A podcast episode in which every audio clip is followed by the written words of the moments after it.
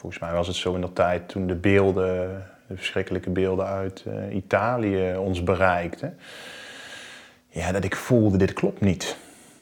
En ik voelde ook heel sterk, het gaat om iets anders. Ja, je ziet dat het hele corona-gebeuren een gigantisch grote spiegel is waar we met z'n allen in kijken. Alleen iemand ervaart zelf helemaal niet dat hij bang is. Iemand ervaart zelf dat hij dus heel logisch nadenkt. En het hele narratief speelt daar heel handig op in. Want de mensen die volgen en alles netjes doen, zijn de, good guys. Die krijgen applaus, krijgen een aai over de bol. Die mogen wel hè, al die maatschappelijke activiteiten ondernemen. Je bent je daar zelf niet van bewust. Omdat we in de westerse wereld heel veel afleidingen hebben. Ik noem het altijd de entertainmentmaatschappij. We gaan van de bioscoop naar de kroeg, naar het restaurant. We zijn van s ochtends tot s avonds aan het rennen en het vliegen ja, dan hoeven we niet te voelen, dan kunnen we niet eens voelen. Daar gaat eigenlijk ook dit hele verhaal over. Dat we geen gefragmenteerde, puur biologische entiteit zijn. En steeds meer mensen, ondanks dat ze zich er niet in hebben verdiept, voelen dat ook als ik dat tegen ze zeg. Ja, er is wel meer tussen hemel en aarde. Dat wij onbewust onszelf zo klein houden door ons alleen maar te identificeren met ons lichaam, met onze hersenen te denken dat de materie de enige, de enige vorm is die ertoe doet en dat ja, dat, dat, uh, dat, dat mensbeeld en die werkelijkheidsdefinitie niet klopt. De, de wetenschap. Nou ja, op die manier al praten over iets waar continu eigenlijk twijfel zou moeten zijn en continu een onderzoeksdrang naar hoe het leven zich ontwikkelt, hoe het leven zich verhoudt, hoe wij ons tot elkaar verhouden, de context. Nee, dus de wetenschap. Het is een nieuwe dogmatiek geworden zoals die ons in ieder geval wordt gepresenteerd door die paar mensen die je maar op de tv ziet. Want het is heel belangrijk voor mensen om te beseffen dat dat niet voor niks maar een paar mensen zijn. Maar uiteindelijk wil toch iedereen heling? Of zijn er belangen weer die gemonopoliseerd uh, bepaalde thema's naar zich toe trekken. Ik had onlangs een inspirerend gesprek met Daan van Deurzen. Daarin deelt hij zijn diepe wijsheid over de huidige transformativiteit en onze opdracht daarin als mensheid. Laat ik meteen heel open beginnen. Waar zou je het vandaag over willen hebben? Ja, kijk, als je um, puur vanuit de buitenkant kijkt, eh, en dat is gewoon ook realiteit, puur fysiek materieel zitten we natuurlijk al twee jaar in de wereld in een uh, coronacrisis, een viruscrisis, een gezondheidscrisis. Maar er is ook een breder perspectief. En uiteindelijk achter die fysieke werkelijkheid, uh, die we elke dag uh, 24-7 ook opgedrongen krijgen, gaat eigenlijk de ware realiteit schuil. En dat is voor mij dat we in een collectieve transformatie terecht zijn gekomen als mensheid. En ehm, ja, ik denk eh, dat het heel belangrijk is dat mensen dat uh, gaan zien, gaan voelen en ook kunnen duiden. Ja, dus uh, collectieve transformatie, kun je die duiden? Ja, als mensheid zijn we in een collectieve transformatie beland. En dat heb ik ook van begin af aan eigenlijk al wel uitgedragen. Eerst heel voorzichtig op sociale media met wel eens een hashtag of het een keer benoemen. Uh, voor mij was dat al helder voordat hier ook in fysieke zin het eerste officiële uh, coronabesmettingsgeval werd, werd aangetoond. Wellicht is dat ook de, de essentie dat je dat wat wij waarnemen en zien en meemaken, gewoon in ons dagelijks leven in fysiek-materiële zin, uh, niet de enige werkelijkheid is. Dat er een, uh, een, overstijgende werkelijkheid is die heel erg te maken heeft met onze zuivere intuïtie. Uh, die ons dingen kan vertellen die als het ware overstijgend zijn. En ja, wat overstijgend is, is dat, ehm, is, is, is dat we echt in een, ja, een verandering van tijdperk zitten. We gaan echt naar een ander tijdsgevricht toe, een ander tijdperk. Um, en daarvoor is het de bedoeling dat de mensheid transformeert. En uh, ja, uiteindelijk is daarin de essentie dat men zichzelf beter leert kennen. Hè? De, de ware transformatie gaat via de weg van zelfkennis. En dat heeft niks te maken met opleiding of uh, studies gaan volgen, maar de weg naar binnen gaan. Uh, ja, de weg van um, in de spiegel kijken. Wie ben ik? Waarom doe ik wat ik doe? Wat voel ik? Want het gaat via de weg van de emoties. Ja, je ziet dat het hele, het hele corona-gebeuren een gigantisch grote spiegel is waar we met z'n allen in kijken. En die spiegel laat ons enorm veel zien. En als je nou eigenlijk terugkijkt die afgelopen twee jaar, uh, wat er allemaal al gebeurd is, wat er allemaal aan het licht komt, ja, dan kan denk ik ook bijna niemand meer ontkennen uh, dat dat zo is. Hoe je ook in dat verhaal staat. Uh, steeds meer mensen krijgen daar ook door. Hè, dus, um... Wat bedoel je met door? Want jij zei net al van, nou, mijn intuïtie zei meteen al van, je speelt iets anders een rol, zeg maar. Ik zeg het even mijn eigen, eigen woorden.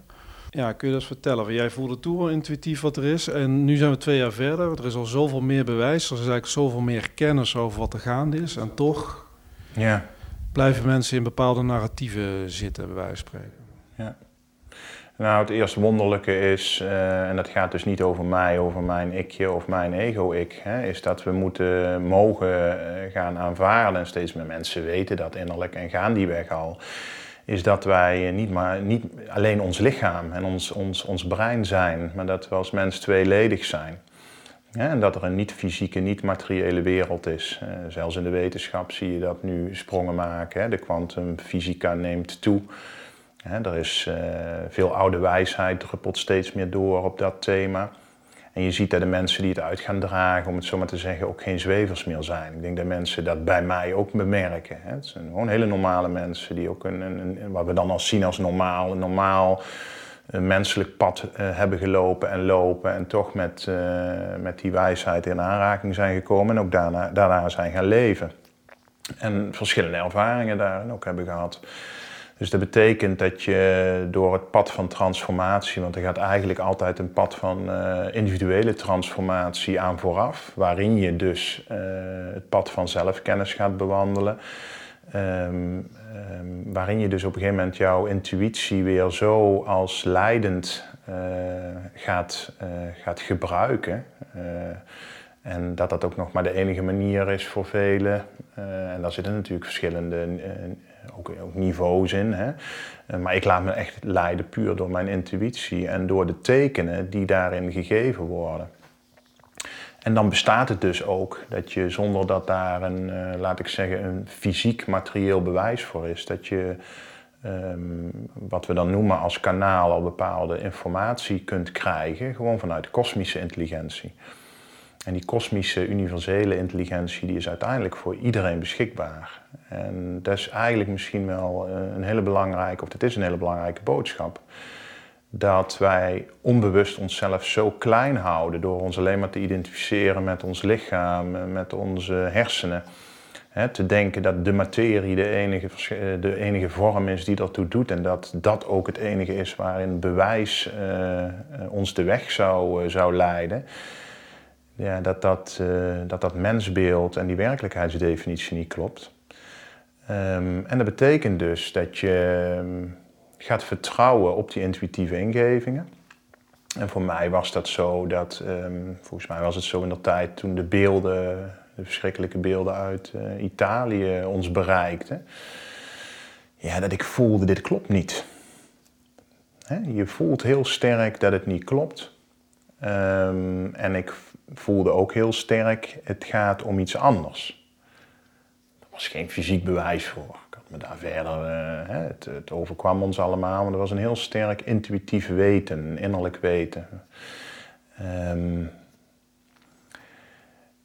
en waar het om gaat, is dat, uh, dat je dan ook probeert te vertrouwen op dat weten zonder in actie te hoeven komen. Maar het laat voor wat het is, maar dat wel omarmt.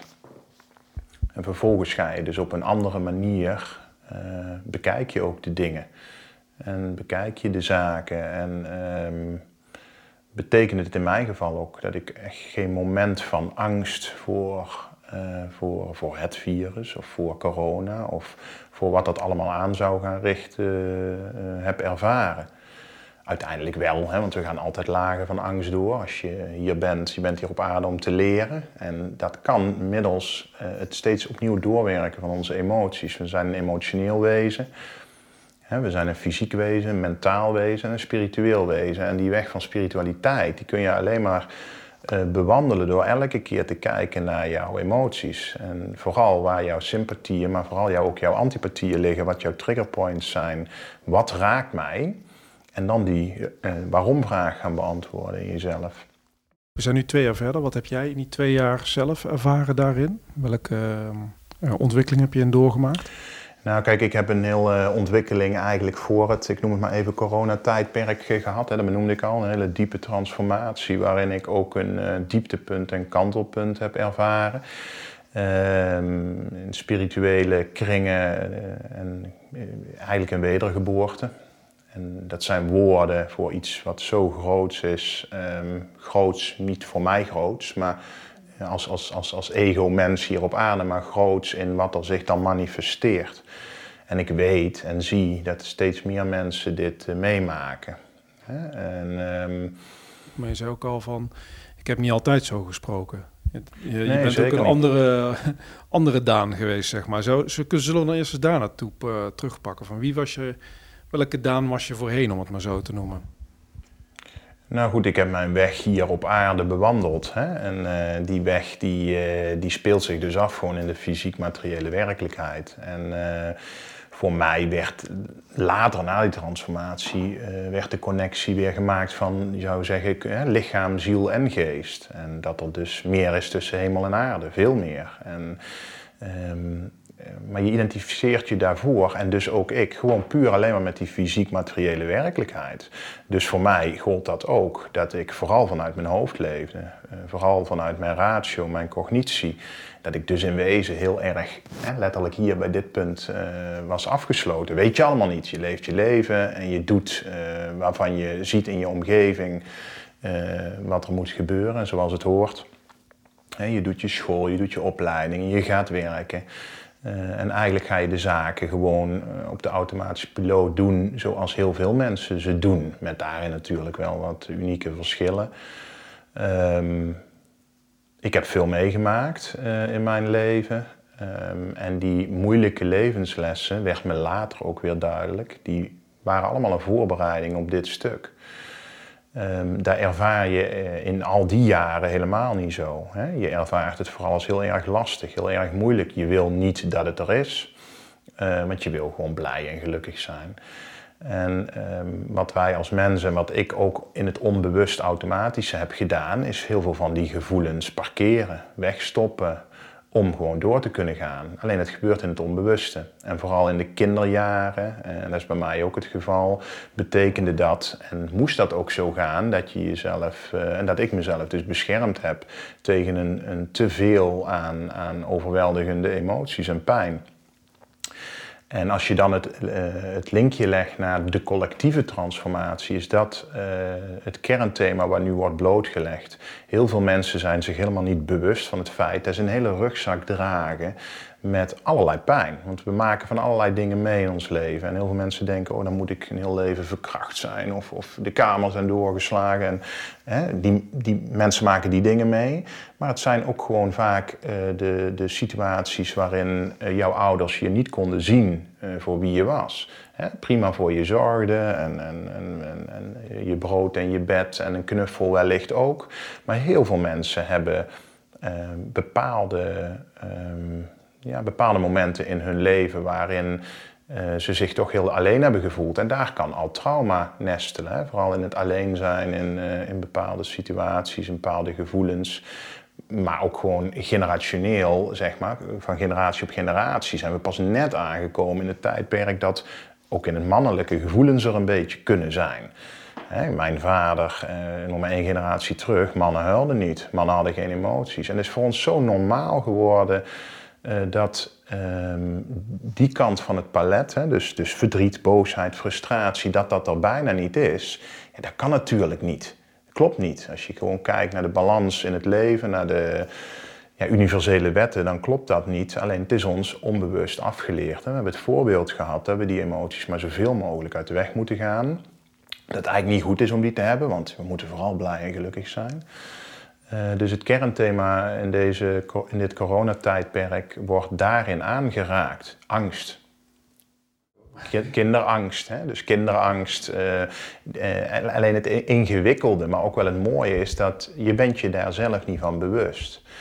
En een van de dingen die ik ook in mijn huidige werk, zeg maar, vaak um, als, als, als, ja, je zou kunnen zeggen, als ezelsbruggetje gebruik of mensen wel eens meegeven, is vraag eens aan iemand van wie jij vanuit jouw bewustzijn hè, mag zien van nou, daar zit denk ik best wel wat angst. Maar die angst wordt niet gevoeld en die angst wordt daardoor in de buitenwereld beheerst. Dus als ik me heel erg aan de maatregelen hou, als ik mijn, uh, deze jongens laat zetten, mijn prikje laat zetten, als ik uh, gewoon precies doe wat er van mij verwacht wordt, dan voel ik die angst niet. Als ik heel veel afleiding heb, dus ook een heel mooi uh, iets om te zien. Waarom worden de normaal, uh, voor ons normaal sociaal-maatschappelijke activiteiten van ons weggenomen? Omdat we in de westerse wereld heel veel afleiding hebben. Ik noem het altijd de entertainmentmaatschappij. We gaan van de bioscoop naar de kroeg, naar het restaurant. We zijn van ochtends tot s avonds aan het rennen en het vliegen. Ja, dan hoeven we niet te voelen, dan kunnen we niet eens voelen. Dan voelen we elke keer kortdurend geluk. Even, je zou het bijna kunnen zien als een shot Even leuk naar de bioscoop, even leuk op een verjaardag, even leuk uh, in de kroeg, even leuk wat bier, even lekker een sigaretje. Het is allemaal verdoving. Ik bedoel dat niet als oordeel, want ik heb het zelf allemaal gedaan. Uh, het is als inzichtgevend bedoeld. Het is geen oordeel, het is gewoon onze menselijke weg. Het zijn gewoon onze menselijke ervaringen. Wat je dus ziet, is dat heel veel mensen gevoelig daardoor worden van ja, als die dingen dus van mij afgepakt worden, of ik mag die niet meer, als ik niet doe wat mij wordt opgedragen, dan heb ik geen leven meer. En daar zit het stuk. Want op dat moment heb jij dus de kans om te gaan kijken naar binnen. Maar wat zegt dat dan over mij? Welke pijn wordt aangeraakt? Hoe kan het zijn dat er anderen zijn die volstrekt gelukkig zijn, gewoon met hun huisje en hun tuintje en wat de natuur hun geeft? Als ik kijk nou naar mezelf, dan denk ik ja, ik mis het niet. Ik hoef niet naar de kroeg, ik hoef niet naar het restaurant, ik hoef niet naar de bioscoop. Ik, ik hoef het niet. En dat geldt voor heel veel bewuste mensen. Is het is een aanvulling. Het is mooi als het er is, kan ik er desgewenst gebruik van maken. Maar het is niet meer die onbewuste opvulling van wat eigenlijk onze pijn en onze diepe innerlijke wonden maskeert. Dus in die transformatiegedachte is het ontzettend mooi eigenlijk wat er gebeurt.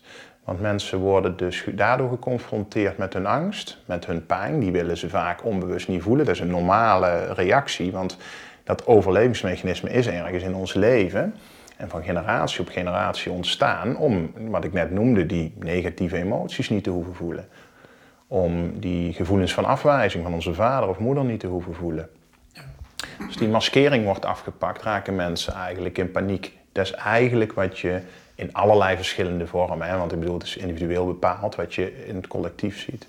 Wat ik ook gemerkt heb, is dat ik eigenlijk vanaf het begin af aan heel erg positief was eigenlijk. Vooral ook dacht van, nou, dit is een uitstekend tijdperk om een, ons een hele goede spiegel voor te gaan als mensheid. Dus ik heb me nooit zo zwaar gevoeld. Ik heb me vooral zelf heel erg verbaasd over hoe zwaar iedereen hem oppakte. En dus welke maatregelen en welke omstandigheden we allemaal hebben geaccepteerd als, als mensheid, zeg maar. Zo, zo heb ik hem ervaren. Um, hoe zie jij dat? Wat, wat kunnen we hier nou als, als mensen, mensheid of mensen van leren? Van deze, van deze nou, tijd. Want het is in de basis geen leuke tijd. Dingen worden afgepakt, bij wijze van spreken. Zo ervaart men het. Nou ja, je benoemt precies wat ik, wat ik eigenlijk net zeg. Op het moment dat jij al heel erg wat je noemt onthecht bent van die uh, materiële compensatie. Dus het naar de kroeg moet, het naar de restaurant moet, al die dingen. Eh, dan heb je dus veel minder last van het feit van die maatregelen. Daardoor ben je ook uh, niet te manipuleren. Want we zien gewoon dat er zo'n druk wordt gelegd, daar kun je allerlei verhalen over ophangen, maar dat is manipulatie. Wil ik ook nog eigenlijk in het midden laten dat er echt, denk ik, mensen zijn die oprecht denken dat die drang, die manipulatie, voor het hoogste goed is, voor volksgezondheid. Maar in essentie, als je kijkt gewoon naar een liefdevol mensbeeld, zou je daar altijd van weg moeten blijven. Je zou, want als we het dan hebben over vrijheid, heeft dat helemaal niks meer met vrijheid te maken. Als je denkt dat je een ander moet dwingen, moet dringen, dan is jouw mensbeeld klopt niet. Want als je dat omdraait, kun je jezelf misschien eens de vraag stellen of jij ook zo behandeld zou willen worden als het over een ander thema ging. Ik denk dat dat voor niemand geldt. Maar wat je dus ziet is dat daardoor die collectieve angst wordt aangewakkerd. En wat je dus ook in die afgelopen twee jaar hebt eh, gezien, en ik heb het echt in de eerste maanden denk ik al voorspeld, is dat de polarisatie, dus de tegenkrachten enorm zouden gaan toenemen. Nou, kijk waar we ons nu bevinden. Ze worden letterlijk met de dag groter. Ze worden aangewakkerd vanuit uh, de overheid. En ik heb dat voorzien. Ik heb dat gevoeld. Hoe kan dat? Want het was er nog niet. En, en, en dat is waar ik het heel graag verder over wil gaan hebben. Dat er een werkelijkheid is en ook een werkelijkheidsdefinitie die ver voorbij het fysiek materieel waarneembare gaat. En dat gaat helemaal niet over mij, nogmaals, dat is helemaal niet belangrijk. Het gaat over dat het er is. En het gaat er ook over dat het voor ons allemaal beschikbaar is. En dat het nieuwe tijdperk daarover gaat. Dat wij weer met die beschikbare energie, hè, je kunt dat eh, van alles noemen, daar zijn dan weer de woorden, en dat is ook prima. Hè. De een noemt dat uh, God, de ander noemt dat uh, energie vanuit de bron. Um, hè, Albert Einstein zei al, alles is energie, en dat is alles wat er is. En die draaide het ook om. Die zei ook al, alleen die boodschappen zijn nog niet goed begrepen, het fysiek materiële is een onderdeel van het niet-fysieke, het, het onstoffelijke.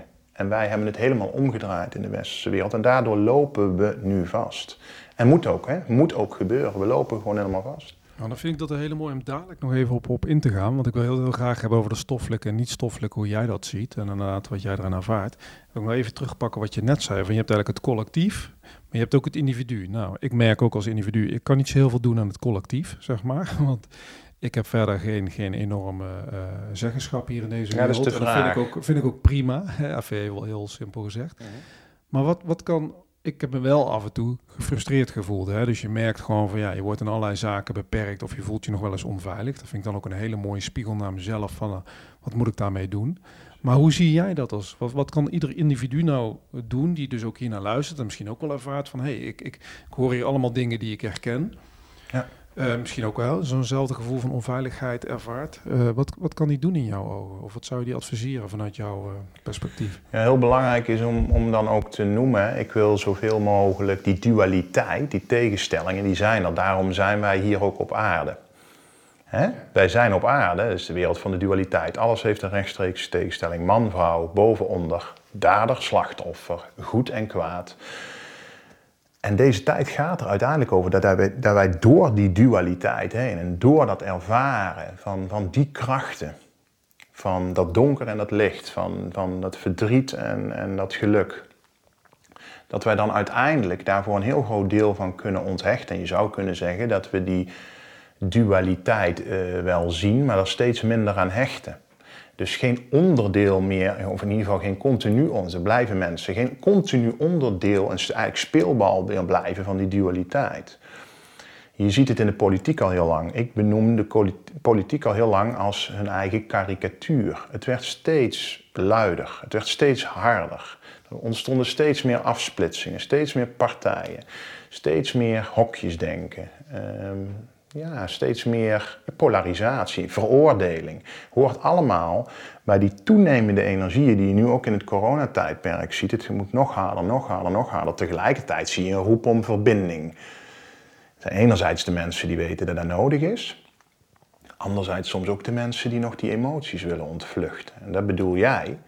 Ik kan zeggen, ja, maar ik ben alleen maar licht en liefde en ik ben alleen maar voor verbinding. Maar we leven nu in deze realiteit.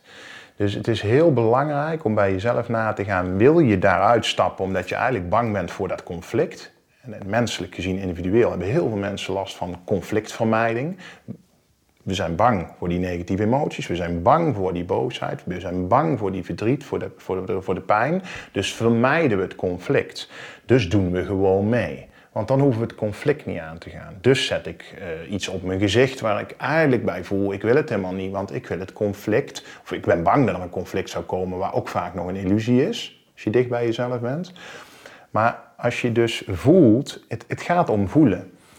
En ik weet dat er op dit moment ook veel mensen zijn, zoals ik zelf jaren geleden ook, die niet of nauwelijks meer voelen. In ieder geval niet meer in het moment zelf ja, die connectie kunnen maken. Maar op dit moment gaan heel veel mensen heel veel voelen, want we ontkomen er niet aan. Want de druk wordt zo opgevoerd in het hele, in het hele gebeuren, dat je er eigenlijk niet meer aan ontkomt, is om eerlijk te gaan zijn naar jezelf.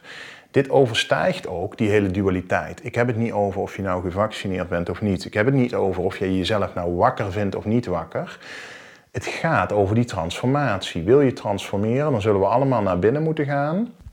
En dan zullen we ook allemaal uh, die angst uh, mogen aankijken. En iedereen die meteen nu voelt, ja maar ik ben niet bang. Dan zeg ik dan tegen, die heeft een groot probleem. En nog een hele uitdaging. Dus een probleem is eigenlijk een uitdaging. Want we zijn allemaal bang. En we hebben allemaal onze angsten.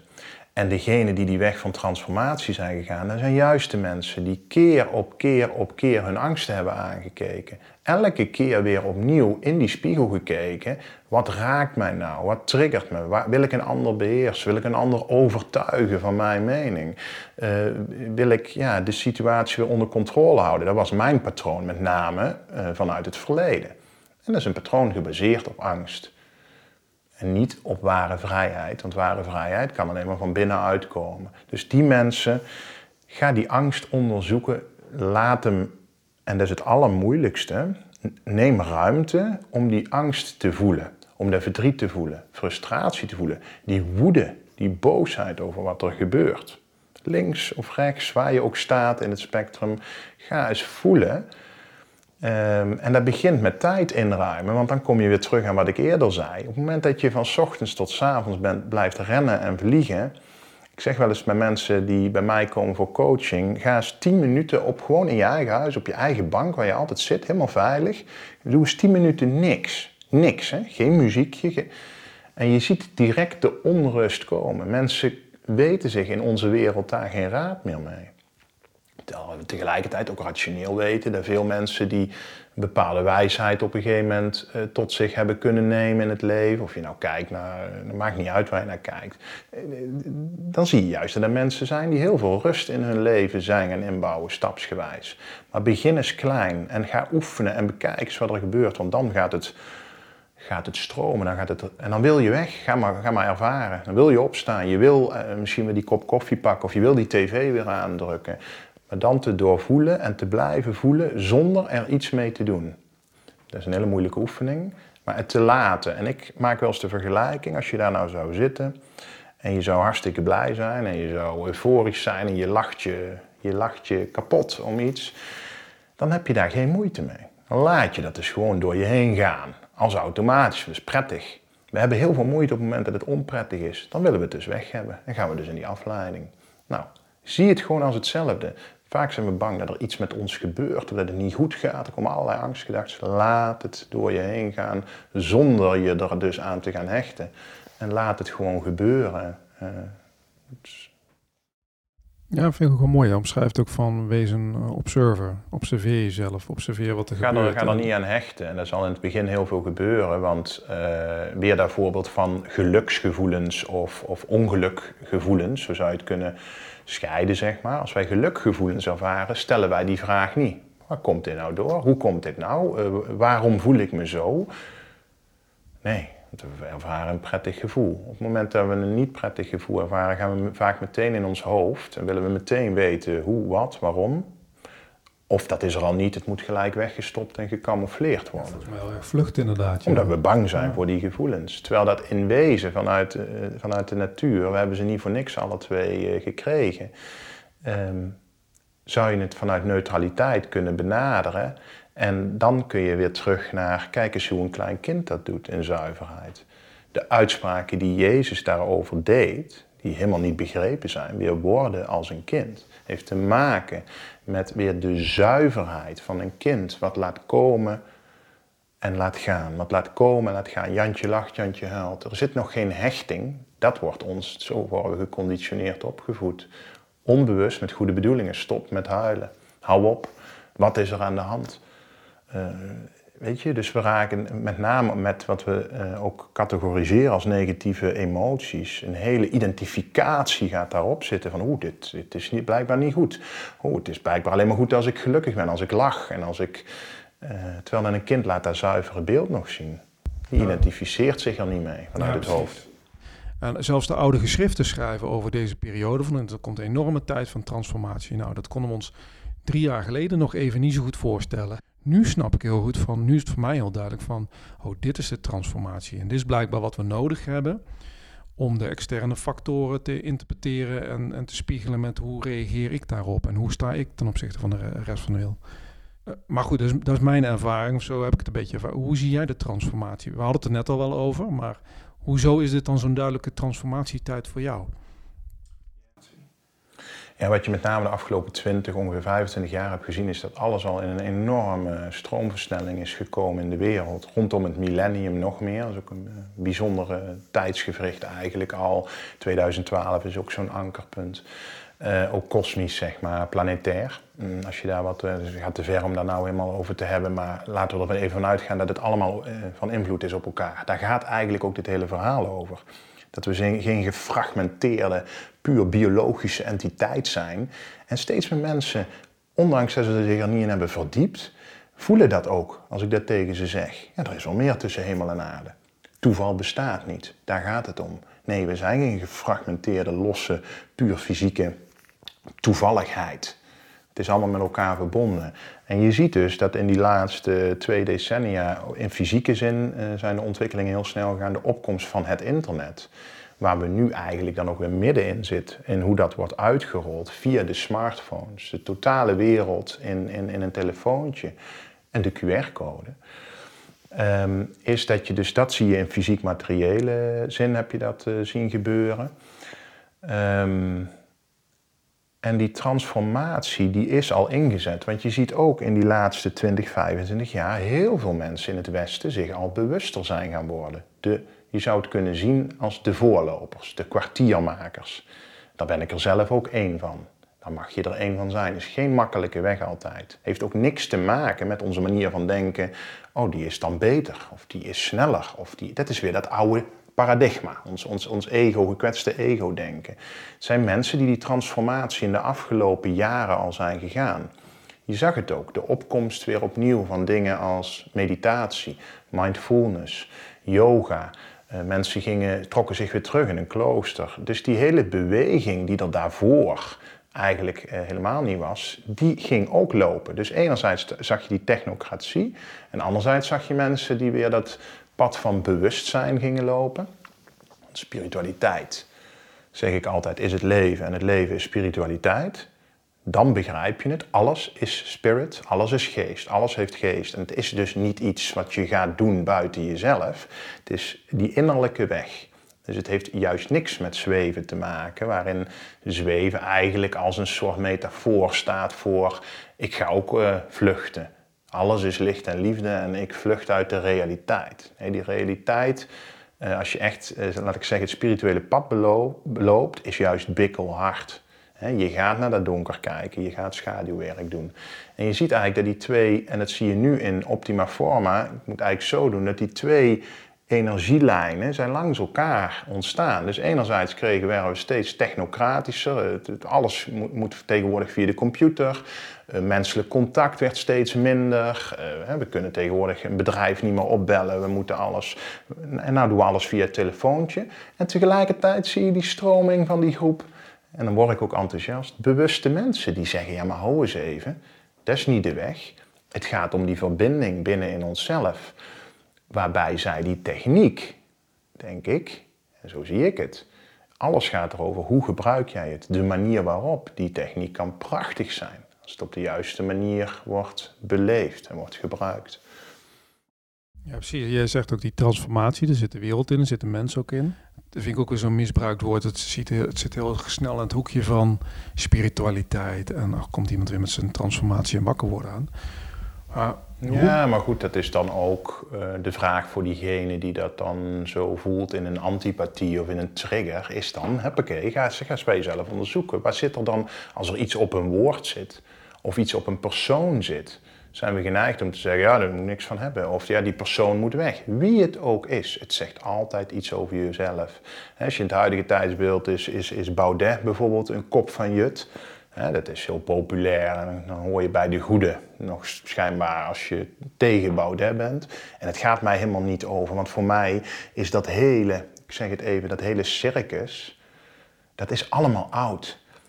Dus of je nou van de SGP bent of van de P van de A of van de FVD, ik, ik hang daar niet aan. Baudet zegt hele zinnige dingen. Misschien zegt de meneer van de SGP hele zinnige dingen. En ze zeggen ook allemaal onzinnige dingen. Maar dan overstijg je daar als het ware. En ehm, eh, ja, mensen die nog heel erg graag die identificatie willen zoeken in van ik moet ergens bij horen en ik wil graag in, in dit hokje. En die denken dus nog heel gefragmenteerd. En uh, deze transformatie, want waar jij, waar jij op doelt, is van. En wat ik eigenlijk wil zeggen, is dat die transformatie is al veel langer gaande. En die komt nu in een stroomversnelling. En die stroomversnelling is door het coronatijdperk. Doordat wij collectief uh, geconfronteerd worden met de angst voor een virus. Met de manier waarop we eigenlijk met de angst voor dat virus omgaan. En we denken dat het gaat over hoe we met dat virus omgaan. Maar die werkelijkheid daarachter gaat dus over hoe gaan wij eigenlijk met onze angst voor het virus om. En die angst voor het virus spiegelt onze innerlijke angsten. En dan hoor ik al heel veel mensen nu zeggen, dat wil ik niet. Nou, eigenlijk die mensen die zich nu zo geraakt zouden voelen, zoals ik vroeger ook geraakt zou zijn, dat is dus juist, juist uh, een, een triggerpoint. En dat zegt dus iets over jezelf. Bij ons allemaal. Niemand uitgezonderd. Ja, nee, zeker. Ja, ik, ik vind het woord triggers. Ik heb een paar jaar geleden uh, iemand ontmoet die altijd over triggers sprak. En in het begin vond ik het nog een beetje irritant. En daarna dacht ik, ja, maar het is zo'n waanzinnig interessant stukje. Wanneer ik getriggerd word door iets, zegt het iets over mij. En niet iets over de buitenwereld. Dus het is een prachtig stukje. Het is een van de belangrijkste dingen op het moment dat je die, die weg um, zeg maar wil gaan of daar al op zit. Uh, om elke keer, op dat moment kijk je altijd in de spiegel. En, en, niet om je haar te doen, maar om naar binnen te kijken. En op het moment dat jij volstrekt eerlijk naar jezelf durft te kijken en het dus niet meer externaliseert en niet meer die omgeving buiten jezelf wil controleren. En natuurlijk gebeurt dat hè, dan nog, want bedoel, we zijn allemaal mens. En we zijn allemaal opgegroeid in om alleen maar naar buiten te kijken, naar buiten te kijken. Het goed te doen op school, het goed te doen voor papa en mama.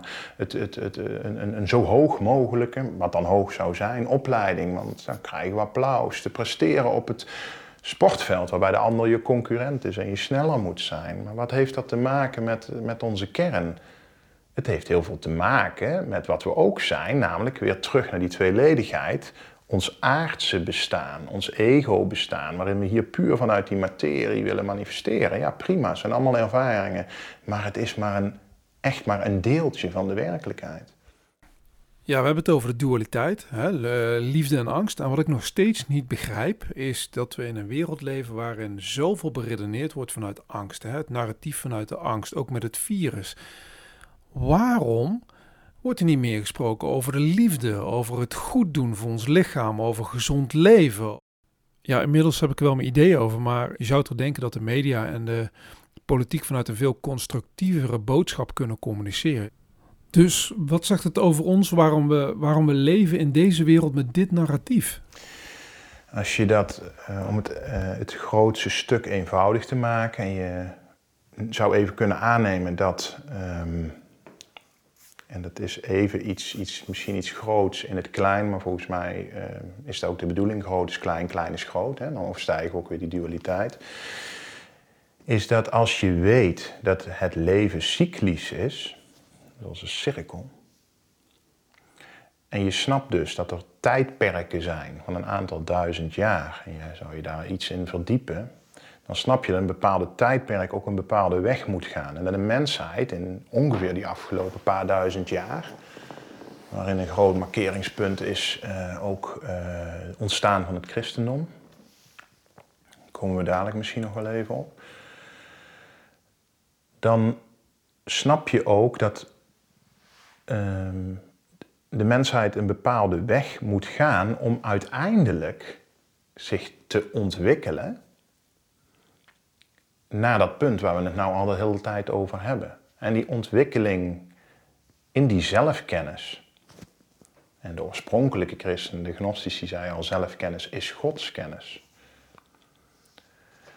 Is dat um, als mensen dat door gaan krijgen,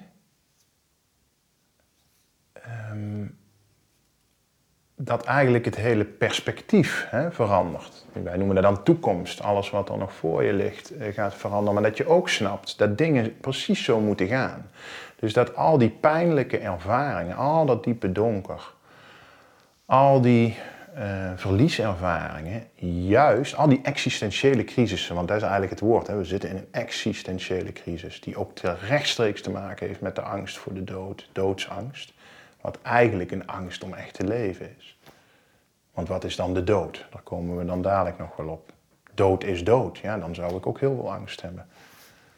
Of, of niet, hè, we hebben geen angst, want dood is gewoon dood. Nou ja, dan wordt die ontkend. Maar um, waar het over gaat, jij vroeg van waarom leven we dan zo in angst? Omdat we dus toegaan naar een, uh, een, een, een tijdsgevricht waarin die angst dus zo groot moet zijn. En die ontkenning van die angst zo groot moet zijn, dat we naar dat kantelpunt toe gaan. Dus dat dieptepunt is een kantelpunt. Zie het als een vulkaan. We hebben nou trouwens ook te maken met veel vulkaanuitbarstingen. Ook dat is voorspeld. Want de uh, moeder aarde doet gewoon mee. Dat die uitbarsting, en wat gebeurt er na een uitbarsting? Het vernietigt veel, maar er ontstaat ook vruchtbare grond. Super, super vruchtbaar. Als mensen ontvankelijk worden, en dat heb ik meegemaakt in mijn transformatie, dat weet je op dat moment helemaal niet, maar je gaat zo diep en er is zoveel, op een gegeven moment zoveel angst en het explodeert en vanuit dat dieptepunt komt dat kantelpunt. Op dat moment ben je in de overgave. En dat is het verhaal van alle oude wijsheid. De volledige acceptatie. En wat daarna komt is overgave. En dat kan ik alleen maar zo, ja, zo uitbeelden bijna. En die overgave die maakt dat je volledig ontvankelijk wordt voor de ruimere werkelijkheidsdefinitie. Dat je niet meer alleen maar die fysieke manifestatie bent, maar dat je ja, contact maakt met die zuivere intuïtie, die kosmische intelligentie, die voor iedereen uiteindelijk beschikbaar is. Ja, kun je daar eens op doorgaan, op die stoffelijke en niet-stoffelijke? Zou je dat eens wat beter kunnen duiden? Ja. Nou, dan terug naar wat ik net zei, hè, dat ehm, oude wijsheid, ook alle Indianen, Noord-Amerika, Zuid-Amerika, je kunt je daar ook gewoon rationeel in verdiepen, het oude Egypte, wisten dat het leven cyclisch is. Hier op aarde zie je dan mooi in uh, hoe de seizoenen gaan. Gewoon elke keer hetzelfde rondje en het wisselt zich gewoon als automatisch helemaal af. Die seizoenen zeggen overigens ook heel veel, wat daar als metafoor eh, in, in uitkomt. Ehm, als mens in de ontwikkeling, die dus ook zo moest gaan, met name in de westerse, en waar, waar vindt nou het grootste probleem plaats? In de westerse wereld, West-Europa, uh, Amerika. Heel, heel, heel bizar, hè? Nou, doet Afrika en India, bijna niemand te prik.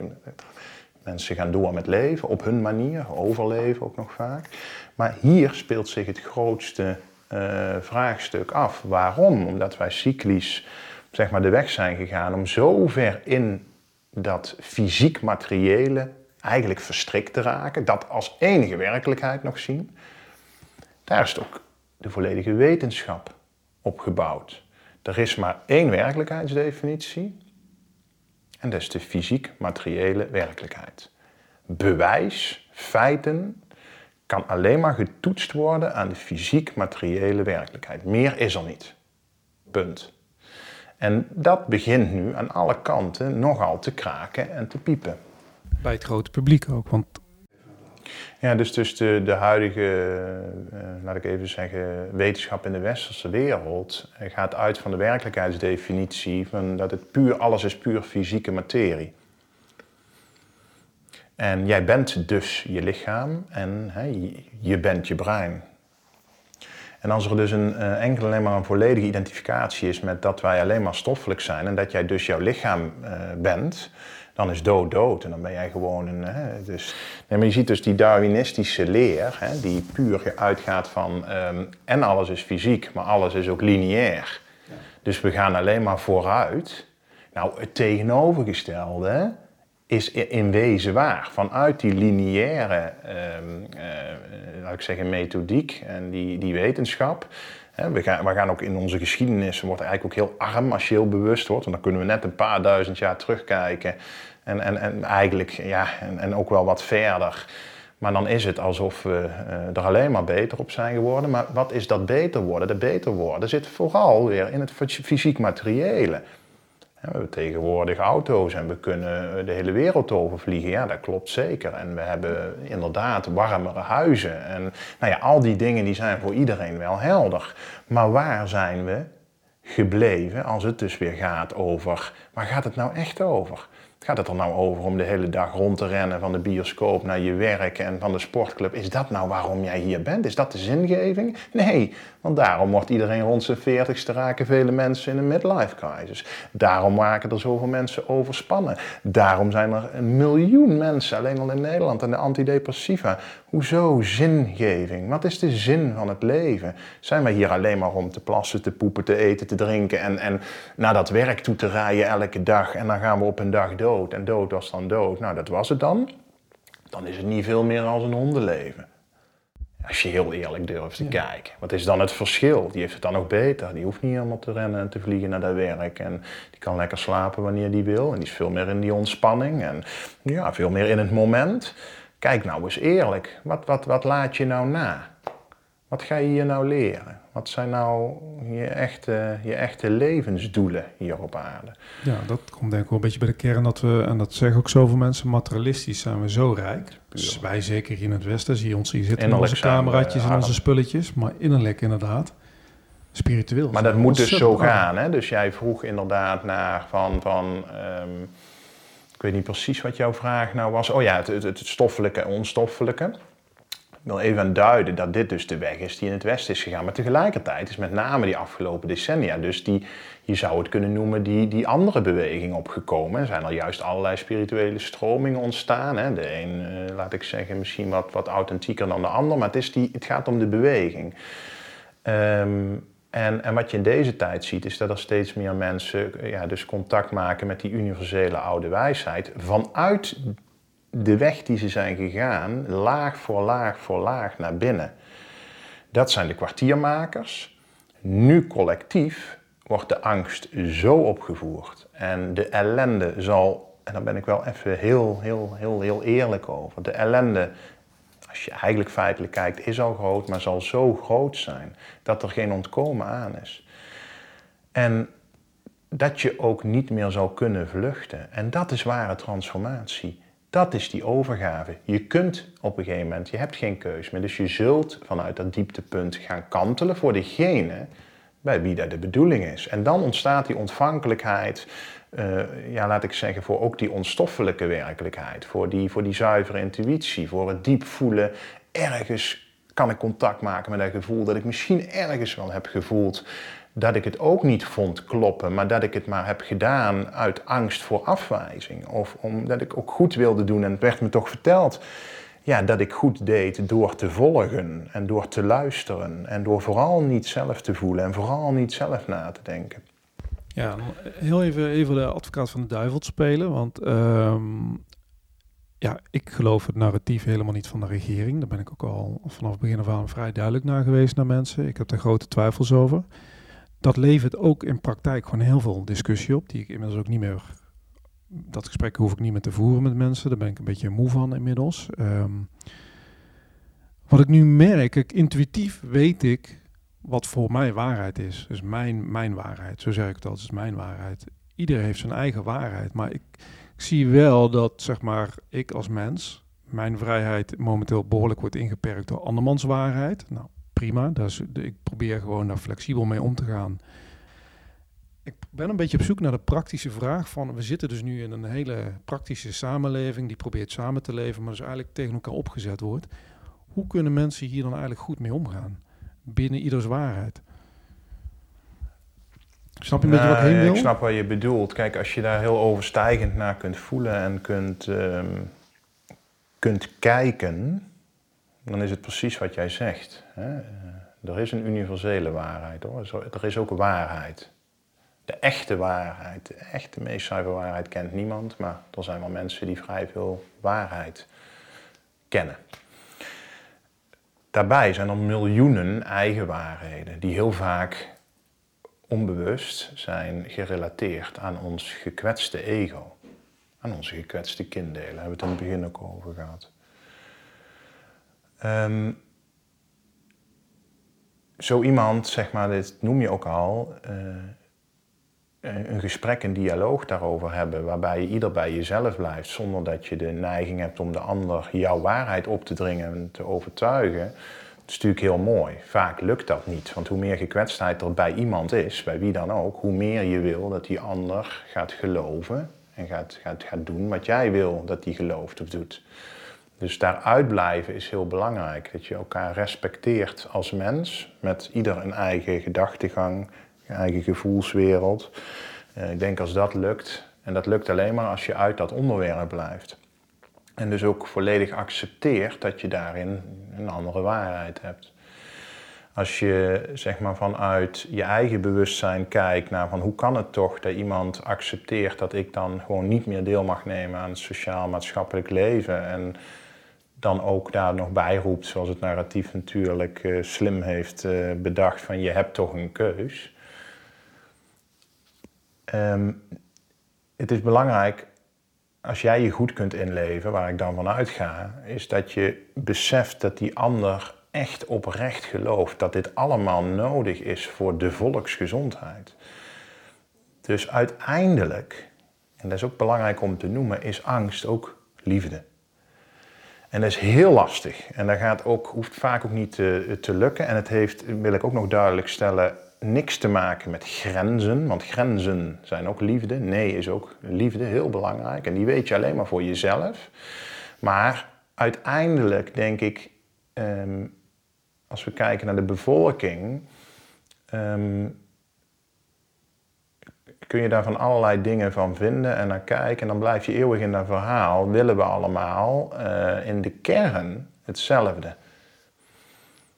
die mensen willen ook weer dat het rustig wordt. Die mensen willen ook dat deze maatregelen uiteindelijk weer verdwijnen. Die mensen willen ook dat het virus weggaat. Ze zitten nog heel erg in dat. Dus, dus uiteindelijk zijn die bedoelingen heel goed. Alleen als je zelf niet ziet dat wellicht je eigen bedoelingen voortkomen vanuit angst en dat dat maakt dat je het heel normaal vindt dat we steeds verder gaan in anderen te controleren en anderen uit te sluiten en dadelijk zo ver te gaan dat jouw lichamelijke integriteit eh, gewoon wordt, op, uh, dat die wordt opgeheft en, en, dat mensen niet weten dat het over hun eigen angst gaat. Terwijl dat, eh, als je gewoon naar de cijfers kijkt, het ook al totaal, totaal irreëel is. En ik wil niet in die cijfers. Ik kan ze zo wel gaan benoemen, maar ik wil daaruit blijven. Dat komt omdat dat ook geblokt wordt, ook aantoonbaar, overigens wel wetenschappelijk hoor. Dat is ook in de hersenen aantoonbaar dat bij mensen bij wie er oud trauma wordt aangeraakt, uh, in het onbewuste, dat het stuk waar de logica, hè, wat we dan noemen het gezonde verstand, ja, dat is er niet. Alleen iemand ervaart zelf helemaal niet dat hij bang is. Iemand ervaart zelf dat hij dus heel logisch nadenkt. En het hele narratief speelt daar heel handig op in. Want de mensen die volgen en alles netjes doen, zijn de, good guys. Die krijgen applaus, krijgen een aai over de bol, die mogen wel um, uh, ja, al die maatschappelijke activiteiten ondernemen. Dus als je teruggaat naar van, het is gewoon pure conditionering. En dan wordt het ook heel lastig. Vandaar dat ik ook zeg, en ik vertrouw daar voor de volle duizend procent op, dat er een collectief dieptepunt gaat komen door alle openbaringen. Openbaringen is trouwens een heel, heel mooi woord. Dingen gaan open en we gaan baren. En baren is het nieuwe leven wat gaat komen. En vandaar dat het laatste stuk in de Bijbel ook openbaringen heet. En daar staat uh, ook daarin, en ondanks dat dat in de loop van de tijd ook wel wat herschreven is, die Bijbel, staan toch hele mooie eikpunten om je aan vast te houden. Niet zoals veel uh, christenen vanuit het instituut Kerk de openbaringen en de terugkomst van Jezus zien, maar daar kunnen we het misschien dadelijk nog even over hebben. Ook weer buiten zichzelf gelegd. Wij worden gered. Nee, er gaat niemand gered worden. Sommige zichzelf wakkere mensen zeggen dat ze gered worden door Trump en dat ging ook voorbij. En we werden gered door die. Nee, de redding, de redding zit in onszelf. En dan komen we weer terug op dat stuk naar binnen kijken, eerlijk kijken, angsten, triggerpunten aankijken. Dat is de enige weg. Maar daarmee doe je het ook voor het collectief. Want je wordt als een voorbeeld weer voor jouw eigen netwerk, voor anderen. En jouw energie verandert. Jouw energie wordt door zo'n weg te gaan steeds, uh, steeds, um, ja, raakt steeds meer in balans. Je hebt niet meer de neiging om een ander te overtuigen, te controleren. Je kunt nog wel confronterend zijn, dat is ook weer iets anders, maar wel vanuit neutraliteit. Nou ja, goed, dus ik denk ehm, ehm, dat dat het is. Laat het in het dagelijks leven, daar waar het lukt, los. Blijf elkaar zien als mens. Respecteer ieders eigen gedachtegang, eigen mening, eigen gevoelswereld. Doe dus ook vooral wat jou zelf goed acht. Ehm, maar in veel gevallen uh, lukt dat niet. En ook daar zitten dan weer lessen. Hè. Als mensen elkaar heel erg spiegelen en heel erg in conflict raken. Hè. Familiescheuringen, zelfs gezinsscheuringen. Ik ken ze. Ik ken ze ook allemaal van dichtbij. Op zielsniveau, dadelijk weer het onstoffelijk op zielsniveau, zijn die lessen al afgesproken. Waarom? Om weer zelf van te kunnen leren door die pijn heen. Dus het gebeurt continu overal. Ook weer vanuit het feit dat we elkaar spiegel zijn. En om te kijken, ja, wat zegt dat dus over mij? Hè? Dat ik ja, op die manier ehm, ja, zeg maar in, ehm, ja, in contact en uh, in de geraaktheid kom naar degene die dichtbij me staan. En die misschien voor deze tijd, waarbij het contact misschien voor deze tijd prima was. Was het dan wel zo prima? Als het dit niet kan hebben, nou, dat is weer die weg naar binnen die je dan uh, mag gaan. Ik, zie best, ik, ik ontmoet best wel eengezinde, eengezinde mensen om me heen. En dat vind ik heel prettig. Dan ga ik nieuwe relaties aan. Ik stel me ook wel eens voor hoe moeilijk het moet zijn als je nu, zeg maar, heel eenzaam erin staat, zeg maar. Of dat je een ander gevoel hebt, maar beïnvloed wordt door je hele omgeving. En dus toch meegaat in een ander narratief die niet prettig voelt. Of dus buitengesloten wordt, want dat is letterlijk wat we aan het doen zijn binnen de maatschappij. Als je in dat soort schoenen staat, zeg maar, hoe, hoe kan je daarmee omgaan? Het is wel grappig dat je het aanhaalt, omdat juist in het transformatiepad is het alleen komen te staan essentieel. Ik ben ook helemaal alleen komen te staan. In ieder geval heel veel mensen vielen weg. Heel veel oude patronen, dus ook oude contacten, oude relaties en dat zal iedereen herkennen die dit pad heeft gelopen, uh, vloeien af. Sommige uh, op een fijne manier, sommige automatisch, sommige misschien met een conflict. Um, maar dat is dus de bedoeling. En kijk dus weer wat het je te vertellen heeft. En doorvoel, doorvoel al die stukken die daarin naar boven komen. Die zijn natuurlijk volstrekt logisch. En die gaan dus weer vaak terug naar de kindertijd en naar het transgenerationele stuk.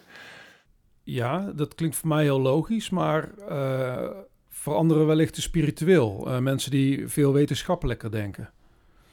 Um, het is heel belangrijk om te beseffen dat het monopolie op de waarheid, zoals die hier door de westerse uh, wetenschap uh, wordt georeerd, in mijn optiek niet meer is als, en dat bedoel ik niet bewust, door de wetenschappers zelf, individueel. Dat is altijd heel belangrijk. Ik heb het altijd over het collectieve stuk.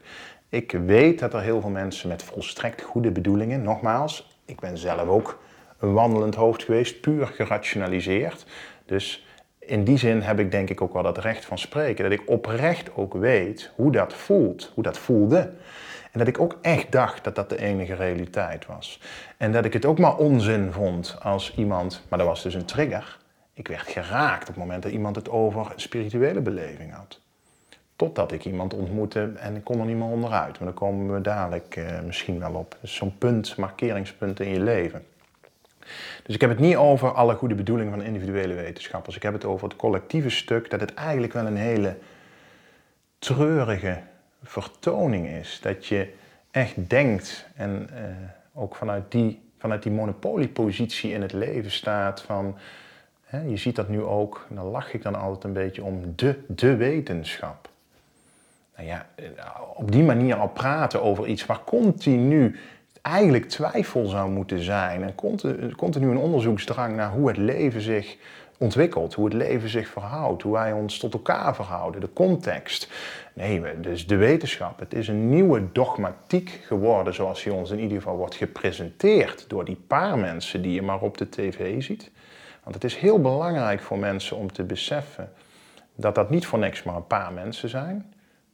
Want waar zijn al die honderden, waar zijn al die professoren met wellicht een heel ander geluid en, en een stem? Waarom komen die niet in de tv-studio? Nee, het is gemonopoliseerd door een aantal mensen. ik nog in het midden bewust of onbewust. Of ze het in de gaten hebben zelf of niet.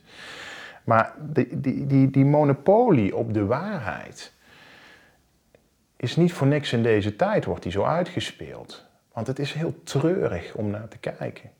Het wordt heel eng. Iedereen heeft het ook over alleen nog maar kokervisie, tunnelvisie, één waarheid, één oplossing. Ja, ja, ik hoef geen enkel beetje ontwikkeld bewust mens te zeggen dat dat natuurlijk nooit waar kan zijn. En dat is alleen maar mensen die vooral of heel geautomatiseerd in het leven staan en maar denken van nou, ik denk nergens over na, want ik heb het druk en huppakee, ik doe maar mee. Die mensen gaan dadelijk allemaal ontwaken. Of de mensen die echt, waar we het over hadden, heel erg bang waren. En vanuit daar alleen maar hun innerlijke autoriteit volledig uit handen geven in een uiterlijke autoriteit. En dus heel gevoelig zijn voor, oh maar iemand heeft status, iemand heeft een bepaalde positie, iemand heeft een bepaalde opleiding. En dus ik hoef niks meer zelf te weten. Dat besteed ik helemaal uit aan die ander. En wat ik dus wil aangeven is dat er een gigantische stroming altijd is geweest en niet geheel toevallig zijn al dat soort mensen vaak vervolgd, gecensureerd, vermoord in de, in de afgelopen, laat ik zeggen, ongeveer 2000 jaar. En daar wil ik even naartoe. Het ontstaansgeschiedenis van het christendom, het zuivere christendom, en weten veel mensen niet, is dat een paar honderd jaar na Christus, eh, zeg maar die, eh, zoals eh, ze genoemd worden, de gnostici, werden vervolgd door wat toen ontstond, het instituut kerk. Omdat daar ook een monopolie werd geclaimd op de waarheid, uh, het instituut kerk zich ging vermengen en een staatsgodsdienst werd. En dat betekende dat al die, de zuivere leer werd gecensureerd. De boeken werden verbrand, werden vernietigd, de mensen werden vervolgd. En wat wij dus nu kennen als het christendom, om het maar even samen te pakken, helemaal niet berust op die zuivere leer. Dat daar heel veel geheimen zijn, en die openbaringen komen ook steeds meer, ook binnen het Vaticaan. De katholieke kerk is daarmee het grootste uh, instituut. Wat zie je in deze tijd? Wat doet de katholieke kerk? Nou, ik hoef het niet in te vullen. Heel interessant is, wat doet de Oosters-Orthodoxe kerk, die ook gigantisch groot is, doet hij precies het tegenovergestelde. Omdat daar, zeg maar, het, het, het uh, hele instituut kerk als machtsbasis, zoals het uiteindelijk is uitgerold in de westerse wereld. En daar zitten we eigenlijk nog middenin. Die ontkerkelijking, gewoon in ons land, is pas van de afgelopen decennia. Is pas in de jaren 60, zoals iedereen weet van de vorige eeuw, 60, 70, is die uitstroom van de kerk begonnen. Waarom? Precies door wat ik zei. Mensen kregen door, mijn ouders hebben het nog deels meegemaakt, dat ze voor de gek waren gehouden. Dat die hele werkelijkheidsdefinitie, zoals die werd gepropageerd, niet klopte dat het uh, corrupt was. Dat er allerlei dingen gebeurden die het daglicht niet konden uh, verdragen. En wat, heel interessant vind, en, uh, wat ik heel interessant vind en wat ik, wat ik echt tot me heb mogen krijgen en belangrijk vind om uit te dragen voor het collectief, is dat we vanuit die ontkerkelijking het atheïsme is ontstaan. Als tegenreactie heel logisch. Er komt een tegenreactie vanuit een diep trauma dat we heel lang zijn onderdrukt voor veel mensen. Is er zo gevoeld, jonge mensen in die tijd, door die kerk. U zult luisteren, je moet dit, je moet dat, je moet hier komen. En als je niet luistert, dan ga je naar de hel. Dat is eigenlijk het hele verhaal. Zoals het in meer of mindere mate werd gepropageerd. Ehm, ook het letterlijk bemoeien in het hele leven, tot achter de voordeur. Gewoon hier waar we zitten, in het zuiden van het land, werd bij mijn opa en oma, kwam de pastoor nog op bezoek om te zeggen, hoe zit het? Uh, hoeveel kinderen gaan hier nog geboren worden? Laat even op je doordringen hoe enorm collectief trauma daarvan uit ons mens zijn is, wat we, wat we allemaal nog meedragen. Die ontkerkelijking is ingezet. Maar vanuit die tegenreactie, er is geen heling, geen echte heling bij de meeste mensen uit die babyboom-generatie ontstaan. Er is een tegenreactie gekomen, waardoor wij ons volledig hebben afgekeerd van het volledige spirituele aspect, dat er überhaupt iets meer zou zijn tussen hemel en aarde. Omdat dat gemonopoliseerd is door het instituut kerk. Bewust weer in dualiteit, hemel en hel. Je bent een vroom mens of je bent een ongelovige. Angst, verdeel en heers om macht te houden. Hierarchie in de kerk. U moet doen wat wij u vertellen. En natuurlijk zijn er ook allerlei mooie dingen in al die kerken gebeurd. Hè, maar, maar dit is waar het over gaat. Op het moment dat je dan vanuit een tegenreactie, dus vanuit eigenlijk een collectief trauma waar mensen zich niet van bewust zijn, een atheïstisch uh, gebeuren plaatsvindt. En ik weet het, want mijn ouders ehm, zijn ook van die stroming. Later heeft mijn moeder ook een spiritueel pad en weer die zingeving gevonden. Dan snap je wel dat die hele wetenschap eigenlijk het nieuwe geloof, niet eigenlijk, is het nieuwe geloof. En waar zien we? Het is op dit moment net zo dogmatisch. U zult doen wat wij zeggen. Wij hebben het monopolie op de waarheid. Wij kennen de feiten. Wij bepalen hier de werkelijkheidsdefinitie. Dat is wat we zien. En dat komt vanuit een trauma waar ze zichzelf niet bewust van zijn. Want wij hebben uh, het hele plaatje ineengenomen. De kerk stond voor de beleving van God, van het goddelijke, wat allemaal in ons is, maar wat ze vooral niet vertelden. Want wij moesten naar boven kijken, hè, we moesten luisteren, we moesten klein blijven. Maar dat is samengepakt, als zijn het bestaat allemaal niet. En um, van daaruit is die stroming ontstaan. En dat is heel belangrijk om te weten. En die gaat geheeld worden in deze tijd. Maar ik, ja, ik zie een prachtige cyclus ontstaan. En, en daarom, ik, ik, heb ook, zeg ook wel eens tegen mensen van, van ja, wat weet je dan van de geschiedenis en van de werkelijke geschiedenis? Dus dat is een geschiedenisverhaal die we geleerd hebben gekregen. En als je gaat onderzoeken, is er zoveel kennis bekend tegenwoordig over andere verhalen over de geschiedenis. Maar die moet je wel kunnen voelen, hè? want we kunnen dat rationeel, maar dat kan ook een pad zijn. Gerationaliseerd die kennis tot je nemen, intellectueel. Dat is ook nog een verschil. Ja, dat is zeker. Maar ja, en er is zoveel kennis beschikbaar over de geschiedenis, hoe het werkelijk gegaan is. Ik vind dit een prachtig voorbeeld van de kerk. Want wat jij ook zegt, in andere woorden, van nu, en nu volgen we de regering. Het heet geen kerk, maar nu zijn we naar de regering. Ja, de volgzaamheid van het instituut, en dat wil ik dus ook uh, duidelijk aangeven. Ik heb daar een bijdrage aan gewijd, is dat ik zie hoe kan het nou zijn dat juist die mensen die wellicht die hippie-revolutie nog mee hebben gemaakt, ontkerkelijkt zijn, vrijheid. Het was geen echte vrijheid. Het was nodig. Het was geen echte vrijheid. Vandaar ook. En ook nogmaals, geen oordeel, heel veel drank, heel veel drugs, heel veel seks.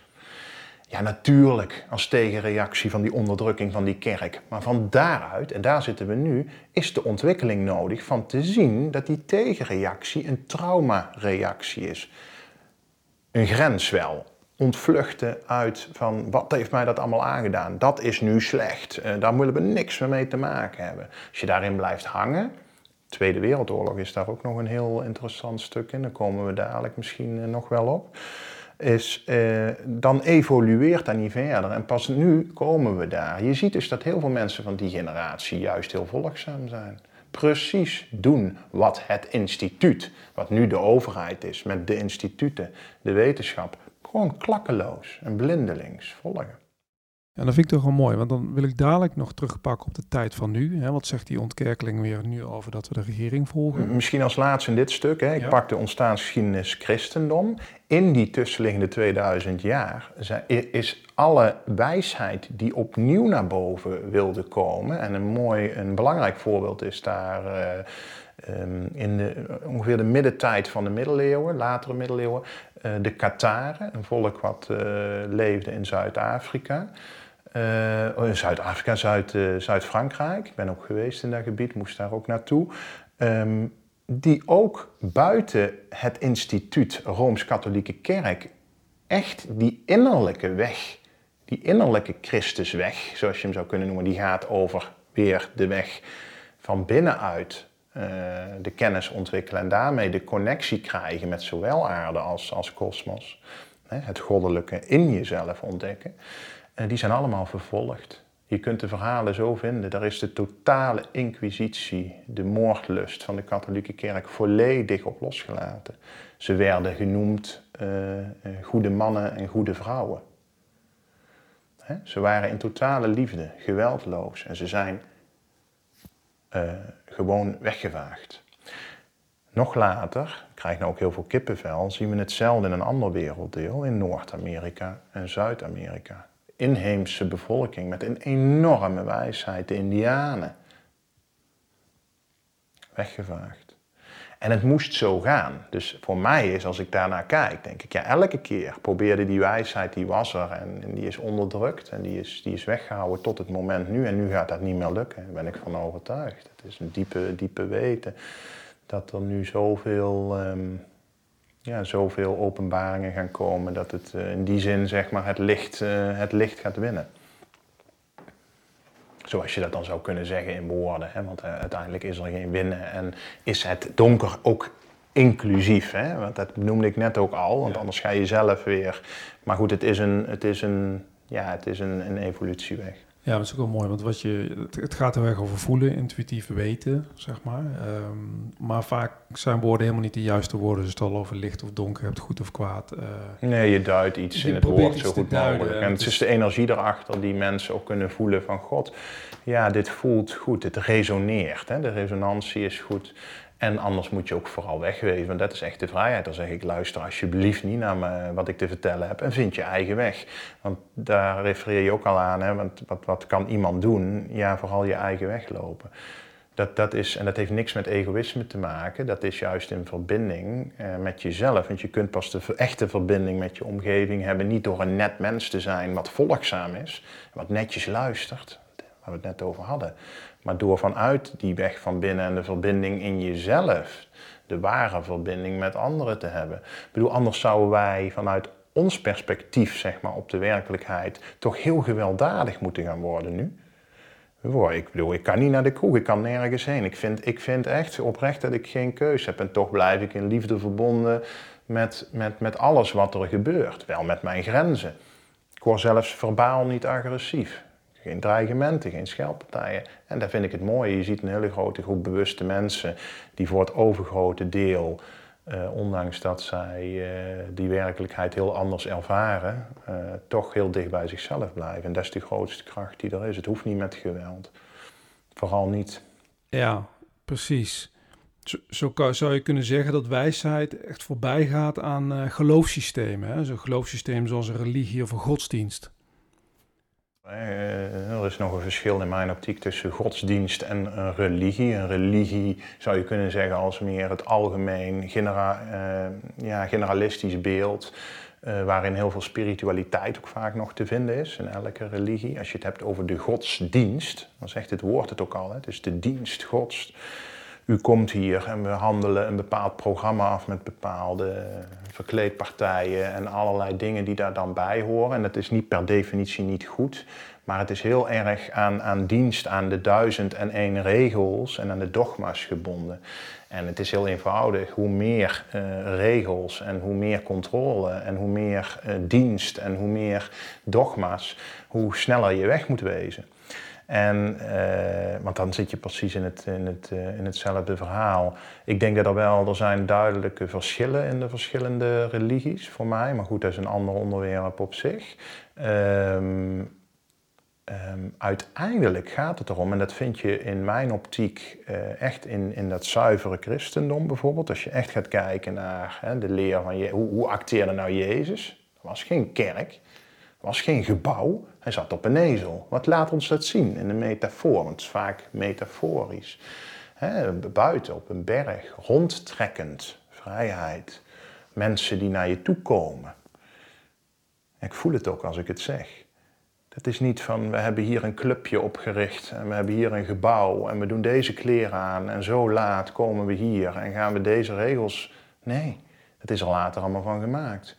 En waar het eigenlijk het meest mee correleert is dus hoe, hoe leven die Kataren. Maar hoe leven heel veel inheemse volkeren, natuurvolkeren, indianen. Zo, daar zit de grootste wijsheid, de grootste vrijheid. Indianen uh, krijgen vrouwen de maantijd. Even terug gewoon naar onze basis, weet je. Echt, ga eens even terug naar hoe wij hier alles doen. Hè? Die, die wetenschap en hoe wij hier met ons lichaam, met onze geest omgaan maantijd. De cyclus, ook weer een cyclus. Precies vaak. Als je helemaal goed bent afgestemd de vrouw, is de cyclus is hier allemaal verstoord hoor, maar we allemaal gebruiken. En cyclus van ongeveer 28 dagen, wat precies samenvalt met de cyclus van de maan. Nieuwe maan, volle maan. Volle maan is daar heel uh, erg uh, ook weer op van invloed. Maar wat, wat, wat deden zij? Dat achterlijke volk, hè, wat uitgeroeid moest worden en die dan daar half naakt rondliepen, die vrouwen kregen rust op die dagen van de taken die zij als vrouw uitvoerden. Er werd veel minder van verwacht. Die konden samen zijn. Wat doen wij? Je weet niet eens wanneer een vrouw in haar maandtijd is. Die is ongesteld. is lastig. Moet weg. Pillen. Gewoon naar je werk. Niet aanstellen. Even, laat eens even op je indringen. Oude wijsheid. Hebben we allemaal vermoord. Wat is nou waar? Kan iemand mij vertellen dat dat beeld wat ik schets hier in het Westen meer waar is? Moet je van goede huizen komen. Kun je heel gerationaliseerd zijn. Maar veel mensen kennen die waarheid niet meer. En die komt vanuit zo'n transformationeel pad vaak, van dat je op al die wijsheid weer wordt gezet, ongezocht. In verbinding, in contacten, in boeken. En het komt allemaal naar je toe en je gaat het weer beleven. Ja, wat ik zo bijzonder vind is dat ik als mens nu ja, eindelijk uh, steeds meer zelf op onderzoek uitga over nou, hoe zit de wereld nu werkelijk in elkaar? Wat is werkelijk onze geschiedenis geweest?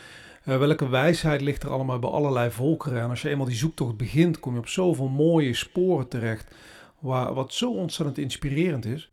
En wij leven hier in een wereld van wat we niet zien, dat, dat bestaat niet. Ik, ja. Maar waar ik me over baas is dat, dat dit soort dingen niet meegegeven worden op school. Want dan hadden we in zo'n mooie andere wereld kunnen leven dan dat we nu doen. Ja, ja, maar goed, dan, wij zitten in die lineaire Darwinistische wereld waarin alles fysiek is en alles verklaard kan worden hier vanuit het fysiek. En we zien onszelf als surplum van de samenleving, van de beschaving. Ga eens even in het heelal kijken. Ik bedoel, het is één stipje, weet je wel, de aarde. Alleen dat al, laat eens even op je inwerken. Er zijn sterren, één ster, die 1500 keer zo groot zijn als de aarde. Eén ster. Dat weten veel mensen niet. Duizend. En dan gaan wij hier een beetje zitten te doen alsof we hier allemaal de waarheid in pacht hebben met onze uh, ja, fysieke uh, uitvindingen. En dan denk ik, goh, terugkomend op die cyclus, want daar willen we dan uiteindelijk ook nog even naartoe. Want hè, we hebben het over, eh, er is een andere werkelijkheid en al die wijsheid is er al. Ook dat is de cyclus. De cyclus van geboorte, fysieke geboorte op aarde, dood op aarde. En de cyclus van reïncarnatie is uiteindelijk, die cirkel wordt weer rondgemaakt door weer opnieuw te reïncarneren. Want ja, lichaam sterft, daar zijn we het meteen over eens, dat is dood. Maar eh, hè, er is een onsterfelijke ziel, een bewustzijn, wat jouw lichaam verlaat en uh, teruggaat naar de geboortegrond. Um, daar ook terug kan kijken op de ervaringen in het leven. En ik bedoel, het mooie is ook dat je in deze tijd ook wetenschappelijk ziet, er zijn miljoenen verhalen op dit moment, mensen die hè, nabij de dood of bijna doodervaringen hebben. Er zijn boeken van volgeschreven, ook echt van wat we dan zien, hè, wetenschappers psychologen, psychiaters, die ook vaak voorheen helemaal niet geloofden, totdat diegene voor hen kwam te zitten. En ga dan nog maar eens zeggen, als je ook artsen die dit zelf beleefden, vanuit totale oprechtheid, zonder enige, ja, enige um, eigen belang, financieel belang, het is er allemaal niet, nee, gewoon dit verhaal. Ga je dan zeggen, nou je bent in de war, dat heb je dan allemaal verzonnen? Nee, dat kan je niet meer. Dus op dat moment kom jij in dat pad en Um, ja, er zijn zoveel verhalen van opgetekend van mensen die, uh, die dat ervaren hebben. Alleen dat al zou mensen misschien een richting kunnen geven van... Goh, ik ga die werkelijkheidsdefinities even wat ruimer maken. En oh, ook in jezelf, in plaats van dat hele beperkte, benauwde ja, uh, wereldbeeld en mensbeeld. Want daar komt nu gewoon een einde aan. Je komt daar niet meer mee weg.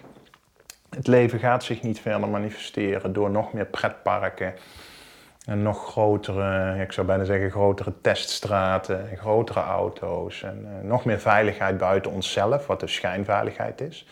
Want los van het hele coronatijdperk zie je, uh, we hebben voor het vijf airbags in de auto en de volgende heeft er zes. En tegenwoordig moeten de kinderen alweer helemaal op op de fiets. En dan kijk ik daar wel eens naar. We hebben camera's bij ons huis en camera's op onze telefoon en overal camera's en nog meer politie. En dan denk ik, jee, het is vooruitgang, en dan vinden we het gek dat er meer criminaliteit komt. Want ja, wat je aandacht geeft, groeit, weet je wel. Dus je gaat vanuit angst, ga je het buiten jezelf zoeken, zodat die veiligheid in jouzelf te vinden is. Ik, heb, ik, ik hoef geen camera's bij mijn huis. En ik, of mijn auto nou airbags heeft of niet, ja, dat, dat, dit, dit, dit, zit erop. Maar daar, daar ben ik niet mee bezig. En, en ja, snap je? Dat, uh, mm. Daar zie je het ook aan. Je kunt het zo mooi zien in de tekenen om je heen. Als je... Uh, met een bewust oog gaat kijken in plaats van puur fysiek. Ja, precies. Dan zie je een evolutie. Ja, je mag ook kritisch zijn naar alles wat er om je heen gebeurt. Hè? Nou goed, wat je zou kunnen zeggen over dat uh, steeds meer veiligheid buiten onszelf gaan zoeken, wat dus eigenlijk uh, schijnveiligheid is. En natuurlijk leef je, hè, je leeft op aarde en uh, er zijn meer auto's gekomen, dus is het prima om, om een riem om te doen voor als je een ongeluk krijgt. Maar als we kunnen gaan kijken van dat dat, en hoe de markt daar ook weer op in speelt, dat we steeds meer ja, uh, veiligheid. En hoe angstiger je bent, dan ga je het ook heel normaal vinden dat er wat camera's bij je huis uh, hangen. Maar waren die er twintig jaar geleden ook? Nee. Zijn, was nou, en heb je dan eigenlijk opgezocht, waarschijnlijk niet, was nou eigenlijk de kans dat er hier een inbreker binnenkomt? Hoe vaak brand. weet je, dus we zijn continu met heel veel illusie bezig, eigenlijk vanuit angst. En dat noemen we dan zekerheid. Nou, dat zien we nu terug in het coronatijdperk. Mensen die helemaal niet bang hoeven te zijn, maar dan doen we het voor een ander. Nou, dat, los van dat hele verhaal, het is een eindeloze weg van zoveel um, veiligheid die eigenlijk gebaseerd is op angst. En echt irreële angst. Kans van één op duizenden. En ja, ik doe het toch maar, want. En vervolgens bouwen we onszelf, ik zie daar eigenlijk wat een hele bunker om ons heen. En dat is een eindeloze weg. Um, vanuit eigenlijk eh, universele wetten gezien, en als je weet hoe energie werkt, zie je dat als ik aan deze kant dat veel meer ga doen, dat ik het aantrek. En dat is misschien moeilijk te begrijpen voor mensen die daar net in zitten. Maar als ik hele dag, dus misschien een goed voorbeeld, negatieve gedachten heb, die ik vroeger bijvoorbeeld ook heel veel had, ja, dan zal ik ook negatieve situaties aantrekken. Dan zal ik ook mensen aantrekken waarbij ik eerder in een conflict raak. Want ik voel mezelf al minder goed, ben zelf negatiever. En diegene komt er als een spiegel. Ik ben ervan overtuigd dat als wij zoveel blijven zoeken in veiligheid buiten onszelf, we zullen steeds meer, en is weer hè, nu de enorme spiegel van confrontatie, van dat die veiligheid uh, hem daar uh, uiteindelijk niet te vinden is, maar binnen in onszelf te vinden is. Dus het is de weg naar binnen, het binnen in jezelf zoeken in plaats van het eindeloos buiten jezelf blijven zoeken. Ja, mooi, mooi. Um, we hadden het net over de Tweede Wereldoorlog. Wat wilde je daar eigenlijk nog uh, over zeggen? Ja, want we hadden het gehad over het stuk trauma uit de kerk. Hè. Dat kwam natuurlijk daarna met name, hè, jaren 60. Maar dit is ook een groot stuk. Die twee thema's spelen in onze westerse wereld. Collectief trauma. Nou ja, kan mooi. Ja. En we hadden het net over het, een duiding van mij van een stuk collectief trauma wat te maken heeft met uh, de, ja, de eeuwenlange overheersing uh, van de kerk. En dat we daar eigenlijk pas net zijn, uit zijn ontrokken. En ik heb een stuk geduid hè, naar hoe ik daarnaar kijk. En dan heb je het eigenlijk echt ook over een collectief transgenerationeel trauma. En van daaruit spreek ik ook over een collectieve transformatie. Maar die collectieve trauma is een hele diepe een rol spelen bij ons allemaal. Daar zijn we ons niet van bewust vaak, dat weet niet meer, die, die maken, dat hebben ons gemaakt deels.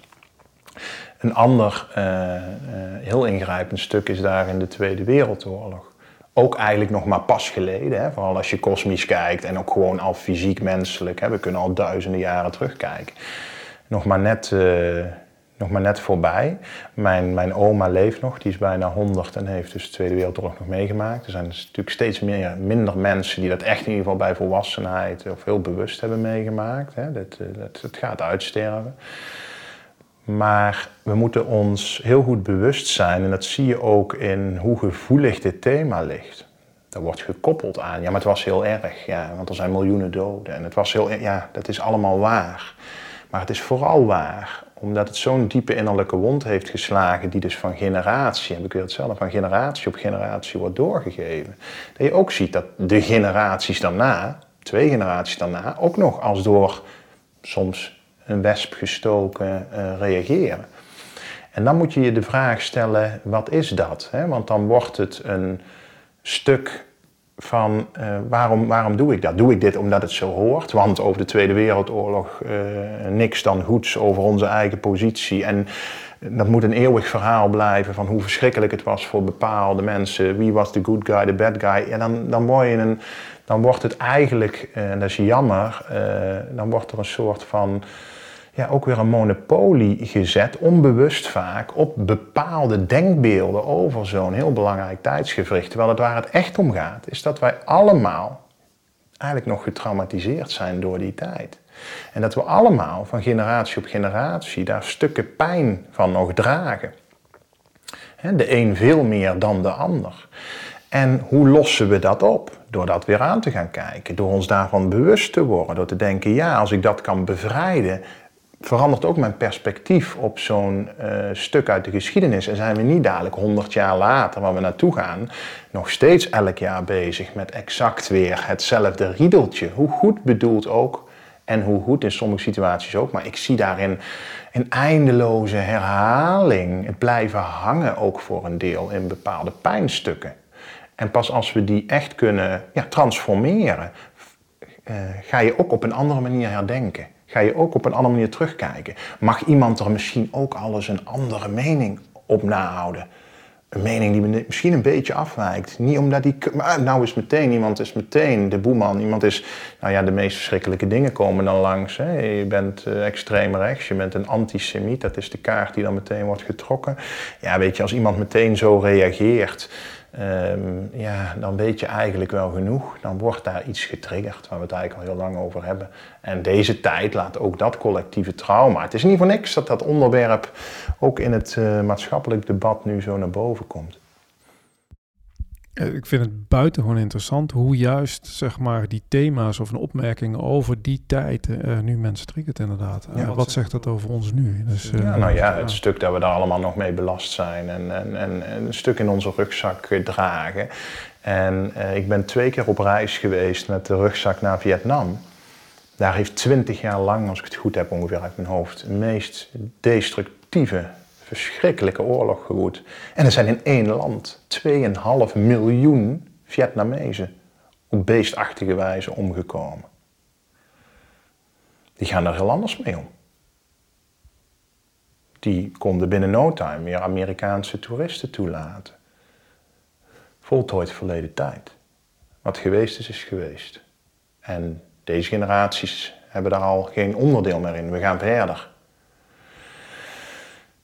Alleen al het besef dat het gewoon eigenlijk tegenwoordig dicht bij huis, hè, nu wat minder makkelijk voor sommige mensen, maar je stapt het vliegtuig in en een paar uur later sta je in een ander werelddeel. Alleen al het, de kennisneming, het besef dat er op een hele andere, andere wijze mee wordt omgegaan, cultuur bepaalt, religie misschien bepaalt die daar doorheen zit. Ah, we hoeven niet allemaal te, maar dat het zo is, maakt ook dat we hier eens in de spiegel mogen kijken en kijken hoe gaan we dan hier mee om, 80 jaar na dato? En waar zitten daarin de overeenkomsten? Waarin zitten de verschillen? Het gaat niet om een oordeel, het gaat over uiteindelijk wil toch iedereen heling? Of zijn er belangen weer die gemonopoliseerd uh, bepaalde thema's naar zich toetrekken? Want ja, en dan moet ik misschien voorzichtig zijn, ik zal het in een andere context plaatsen. Uh, want ik wil niet bewust uh, over dit, want het is zo jammer als dit thema continu uh, zo beladen wordt benaderd. Want iedereen weet dat het verschrikkelijk was. Als je niet weet dat het verschrikkelijk was, dan is er iets goed mis. Daar gaat het toch helemaal niet om. mijn oma heeft de oorlog meegemaakt. ik heb een, een, Joodse vriendin, dus het is helemaal niet, niet, niet, niet het thema. Waar het om gaat is dat volgens mij iedereen heling wil. Maar heel vaak mensen onbewust ook nog niet.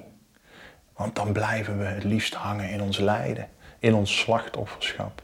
En dan krijgen we de drama-driehoek van dader, slachtoffer en redder. En die zie je nu continu afspelen. Mag niks gezegd worden. Ik heb een slachtofferschap. Er is dus meteen een dader. Die moet uitgescholden worden. Er moet van alles mee gebeuren. En er is ook een redder die dan gaat zeggen: Oh nee, dat mogen we toch allemaal niet doen. En nee, het was ook zo erg. En wat het thema ook is. Als we dat eindeloos blijven toepassen, helen we niet voor de volgende generaties. En wat wil je je kinderen meegeven? Trauma? Ja, dat hoort bij het leven. Maar ergens gaan we die knip zetten. En die knip zal ook in deze tijd, ook rondom dit thema, gezet gaan worden. De jongere generaties zijn, uh, willen helen in plaats van eindeloos blijven hangen in een, in een visieuze cirkel. Mooi. En ja, ik benoemde het al eerder, wellicht als afsluiting. We moeten dus beseffen dat het nog een heel stuk donkerder wordt, erger wordt, pijnlijker wordt. En dat wij in het collectief, daar ben ik van overtuigd, rondom uh, het corona-verhaal, um, te maken zullen krijgen met nog veel grotere uh, fysieke, menselijke verliezen als uh, wat we tot nu toe gekend hebben.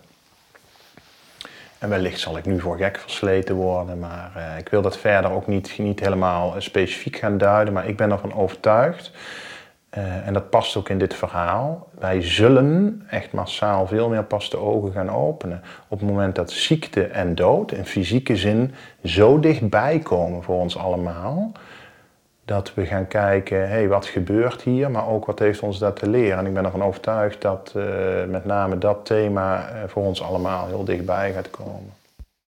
Het sluit misschien weer mooi aan bij dat stoffelijke en uh, onstoffelijke waar we het eigenlijk nog over wilden hebben. Hoe zit dat dan precies? Nou goed, we hebben het al een keer gehad over de tweeledigheid uh, van de mens. Hè? En ik denk dat het goed is om daar nog een stukje uit te diepen. Van als mens zijn we dus wel zowel fysiek stoffelijk als onstoffelijk. Hè? Niet fysiek materieel. Hè? Onsterfelijke ziel. Um, en dat betekent dat we in het aardse leven zowel aards, en dat is gekoppeld aan ons instinct, ons instinctieve uh, wezen, als intuïtief zijn. Eh, en intuïtief is zeg maar de weg naar boven, naar de kosmos. Dus uh, wat, wat correleert met ons, ons hoger zelf, zoals dat ook wel genoemd wordt. En waarin we dus informatie vanuit die onstoffelijke wereld kunnen krijgen. Um, in deze fase, zeg maar in het hele coronatijdperk, zie je dus heel veel mensen, waar we het ook eerder over hebben gehad, die volledig zijn afgesloten van beide. Wandelende hoofden, dus volledig en daar heb je gradaties in. Ik was zelf ook een wandelend hoofd. Volledig gerationaliseerd. Daar hebben we het al uitgebreid over gehad. Maar op het moment dat jij instinctief niet voelt, niet meer kunt voelen omdat het is afgesloten. Dat heeft met name te maken met dat we, ons heel erg is geleerd dat we, ik noem het maar even, nette mensen moeten zijn. En wanneer zijn we netjes en wanneer zijn we eigenlijk lief en krijgen we applaus als we ons heel goed aan alle regeltjes houden. Dat komt al voort Nog heel erg vanuit het uh, tijdperk waarin de kerken nog vol zaten. Daar hebben we het ook al over gehad. En nu zie je dat. En in, in dit tijdperk, zeg maar sinds de intrede van corona ook heel erg. Van ja, je zult precies opvolgen welke regels en maatregelen er allemaal zijn. En dan ben je een, eh, een, een goed mens. Um, daar zit natuurlijk een heel tijdsgevricht voor, waarin we dat gewoon allemaal in, in, in gewoon hoe de samenleving functioneert, hebben uitgebouwd. Dus regels, een raamwerk is prima, maar nog meer regels, nog meer regels, nog meer regels. En iedereen herkent dat wel, ook in bedrijven, protocollen, nog meer protocollen, nog meer veiligheid. Dus we zijn eigenlijk, we zijn ook van onze instincten eigenlijk afgesloten, die ons gewoon heel primair laten voelen. Uh, ja, die, die, zogenaamde negatieve emoties, die we dus, daar hebben we het ook over gehad, niet meer willen voelen. Want daar komt in één keer dat gevoel van woede of verdriet of frustratie vandaan, wat wel vaak een richtingaanwijzer kan zijn voor ja, een grens. Het klopt niet. Het instinct is gekoppeld aan het dierenrijk. Een dier heeft een heel zo'n mooi ontwikkeld instinct dat het precies weet wanneer het moet vechten, vluchten of bevriezen om te kunnen overleven dat is heel mooi uitgebouwd. Maar als je daar dus van bent uitgesloten, of eigenlijk afgesloten, omdat je helemaal gerationaliseerd bent en heel erg bent geprogrammeerd bijna om alleen maar buiten jezelf de regeltjes op te volgen, te luisteren naar je ouders, te luisteren naar je leidinggevende, te luisteren naar je partner, te luisteren naar de pastoor, ja, dan raak je daar steeds meer van weg. Tegelijkertijd en daar hebben we het ook over gehad, zijn we in de westerse wereld door de gerationaliseerdheid en ons mensbeeld, wat alleen maar uitgaat van uh, het fysiek materiële, intuïtief. Dus ook afgesloten. Er is niks meer, dood is dood. Uh, we zijn uh, ons lichaam en we zijn ons brein. Maar als je dus van beide kanten bent, bent afgesloten, of voor een heel groot deel bent afgesloten, en dat zie je met name, vind ik, in de intellectuele wereld, en dat wordt ook heel erg gespiegeld nu uh, dat betekent dat er dadelijk een enorme grote spiegel voor die hoog opgeleide artsen en wetenschappers komt te staan. Want wat ik zie en waar ik jarenlange werkervaring ook in heb gehad, is met name bij de mensen zoals wij dat dan noemen en zien, die ook aan die onderkant van de samenleving acteren, hè, in de achterstandswijken wonen, daar is met name het instinct nog heel erg intact. Dat leidt niet altijd tot de meest tactvolle reacties, dat is iets anders. En daarom denken we, oh, het is niet netjes, het klopt niet. Maar veel van die mensen voelen in deze tijd, ook als je met ze open in gesprek gaat, dat het niet klopt. Dus ervan uitgaande, hè, waar we het over gehad hebben, dat vanuit die intuïtieve kosmische ehm, informatie we het bij het juiste eind hebben, dat het niet klopt en dat het niet is wat het, wat het is aan de buitenkant, gaan we dadelijk meemaken dat er een hele grote middengroep is, om het zo maar te zeggen, die heel ernstig gerationaliseerd is.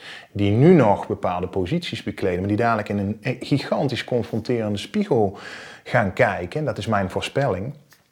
Dat, om het maar zo te zeggen, uh, Annie en John of Jan en Piet uit de gewone volkswijk dadelijk beter hebben gevoeld dat het niet in de haak was en dat er wellicht iets heel anders speelde als diegene met zijn universitaire opleiding die als arts uh, het best mogelijke heeft gedaan. En dat betekent ook dat het een bevestiging is voor een transformatie. Want een transformatie gaat alles helemaal upside down. Dus dan worden we helemaal, ja, als het ware door de war, uh, ondersteboven gegooid. Om, en dat heb ik ook verteld, ja, zo, daardoor worden we zo ontvankelijk. En uh, gaan we in die over, worden we eigenlijk in de overgave gedwongen, zou je kunnen stellen. Ja. Ik zit ook te denken, het is ook echt een kwestie van je kwetsbaar op durven stellen. En, en, en dat geldt voor alles en iedereen en iedere situatie ook niet. Maar dat er geen goed of fout is, maar dat je weer tot nieuwe inzichten gaat komen, ook voor jezelf. Um, zit niet echt een vraag aan vast, maar dat is nou wel een beetje wat ik jou hoor omschrijven ook. Van, kijk, ik snap nu ook voor mezelf waarom ik uh, voor, voor, voor de missie die ik te hebben, ook die jarenlange ervaring moest hebben, ook in uh, dat onderdeel van de samenleving. En dat echt van binnenuit die mensen heb mogen leren uh, kennen en zij mij. En ik had daar ook altijd een, een, zeer prettige klik mee. En wat je ziet onbewust is ook hoe, hoe dan met mensen, weer met groeperingen, hè, ook weer heel dualistisch in hokjes gestopt. Van nou, de laaggeletterde, bepaalde wijken, de allochtonen. Nou weet je, we praten al jaren over inclusiviteit. Het is in één keer allemaal weg. En dan gaan we prikteams, hè, worden erop uh, gesteld in bepaalde wijken. En ik geloof echt oprecht, echt, dat meen ik serieus, met echt goede bedoelingen vanuit het zeer ontwikkelde ratio van die mensen. Maar ga alleen maar de hypothese eens aan voor jezelf zonder dat ik zeg dat ik de waarheid in pacht heb, van stel je nou eens voor dat jij het bij. Kun je dat? Kun je überhaupt jezelf eens voorstellen dat die. En daar zit de kern. Kun jij je voorstellen dat jij het niet bij het juiste eind had? En diegene van wie jij denkt dat je hem moet beleren, moet informeren, moet overtuigen, hoor ik zelf, moet, moet verleiden. Ik hoor allerlei termen die natuurlijk ook niks met, met echte liefde te maken hebben dat zij bij het juiste eind hadden. Terwijl dat zij misschien onopgeleid zijn en jij een, afgeronde universitaire opleiding of een doctoraal hebt. Kun je je daar voorstellen? Ik denk dat de meesten zich, als ze eerlijk naar zichzelf kunnen kijken, ze, één, die vraag zich nog nooit gesteld hebben. En twee, als ze die vraag uh, zouden krijgen, zich dat in dit onderwerp, in ieder geval in dit onderwerp, niet voor kunnen stellen. Dat betekent dat dat helemaal muurvast zit. En dat zegt iets. Dat zegt iets over diegene. En ehm, mijn voorspelling en het inzicht dat ik heb mogen krijgen is dat dit een van ja, de grootste omwentelingen gaat zijn om ook die hele huidige, ehm, ja, de huidige wetenschap en ook de huidige gezondheidszorg de kans te geven om te transformeren. Want dat is het uiteindelijk, hoe heftig dat ook is. iedereen, ik denk dat 99% van de mensen handelt naar eer en geweten. En dat er wellicht machten en krachten zijn die achter die schermen en van alles doen om, om een bepaalde agenda uit te rollen. Ja, dat weet ik ook. En daar hoeven we denk ik ook niet geheimzinnig over te doen. Alleen ik denk dat de meeste uitvoerende krachten, zeg maar, de uitvoerende mens, mensen echt oprecht naar eer en geweten handelen. En het is ook heel belangrijk om in die verbinding te blijven met elkaar. Want anders ja, dan ga je zelf in het wel eens niet te spel zitten. Um, ja, en als laatste weet je, we gaan toe naar een nieuw tijdperk ook, waarin je met name onze blik uh, vanuit een heel ander mensbeeld, ook een totaal ander blik krijgt op de samenleving en ook op die gezondheidszorg. En dus ook op die wetenschap. Een wetenschap die zich richt op zowel de materie als de niet-materie. Een gezondheidszorg die hetzelfde doet. Een gezondheidszorg die vanuit een holistische gezondheidsvisie dus gaat werken en een integrale visie. Um, waarbij je dus um, oprecht vanuit zelfontwikkeling uh, niet meer denkt in alleen maar in opleiding, in hoog, laag, uh, in meer of minder. Ja, en die spiegel die gaat komen. Daar ben ik uh, eh, 100% zeker van. Ja, ik denk, denk dat het heel belangrijk is om niet in goed en fout te denken, maar vooral in verbinding blijven met elkaar. En wat ja. ik heel erg zie is dat we juist uit verbinding raken. En zij doen het zus, goed en zij doen het fout. Het hokjesdenken, wat je net zegt. Ja. En deels is dat nodig, hè, want het verhaal wat ik verteld heb, een energie, een nieuwe energie, die vulkaan. Hè, dus we moeten, er zijn heel veel mensen die hebben ook op zielsniveau echt gekozen om te verzetten, te vechten, te vechten, te vechten, totdat het zich uiteindelijk opheft. Dus die polarisatie en die tegenstellingen, uh, die ehm, ja, hebben een heel belangrijk doel in een transformatie. Alleen tegelijkertijd zijn er ook mensen die daar of op een gegeven moment echt oprecht uitstappen hun opdracht daarin vervuld hebben en naar een volgende fase evolueren. Ehm, ja, en mensen die dat altijd al wel geweten en gezien hebben. En dat, dat geldt voor mij. Ik heb wel een hele tijd lang heel bewust zaken in het licht gezet. Hè? Dus de confronterende spiegel geweest. Maar niet roepend, schreeuwend, scheldend uh, of veroordelend, maar wel duidelijk: uh, dit, is, uh, dit is de waarheid zoals ik hem zie en zo draag ik hem uit. En ja, goed, ook dat gaat nu naar een andere fase. Vandaar ook dit, hè, het meer collectief duiden van in verbinding, wat gebeurt er op aarde, wat gebeurt er in het leven van alle dag, ook naar zijn ware, voor mij ware spirituele context. En dus verder kijken als alleen maar uh, ja, voorbij de buitenkant kijken. Ja, precies. Ik vind het heel mooi wat je zegt. En ik, wat ik daar zelf op aan wil vullen is van het gaat ook heel erg om van wat voor jou op individueel niveau, en voor ieder persoon zelf, goed of fout is. Of wat de waarheid is, zeg maar. En dat je nou niet je eigen waarheden op anderen gaat projecteren. En dus ook niet je eigen, ja, hoe moet je het zeggen? Ja, nou dat. Ja, nou ja, dat is, is dat is vrijheid natuurlijk. Hè? Dat, uh, dat je informatie aan kunt bieden, om het zomaar even heel uh, populair te zeggen. En dat je vrij bent om daar iets mee te doen of niet mee te doen. En dat het opdringen van, het overtuigen, het verleiden, het misleiden, dat past allemaal niet in een, in een, in een, in een vrije samenleving hè? en in een vrije wereld. En daar willen we naartoe dus je kunt uh, informatie geven aan iemand, gewoon in vrijheid, waarin je ook oprecht voelt. Iemand maakt echt helemaal zijn, eigen, zijn of haar eigen keuzes. Nou, dat is de enige manier waarop ik informatie de wereld uh, in wil helpen. En daarom zeg ik er altijd eigenlijk met een knipoog bij, als je het niks vindt, nou, dan ga je vooral verder en zoek gewoon jouw eigen bron en jouw eigen pad. Dat is de enige manier waarop we um, echt in, in vrijheid en met, uh, ja, vanuit naaste liefde en respect met elkaar om kunnen gaan. Dus volgens mij geen andere weg.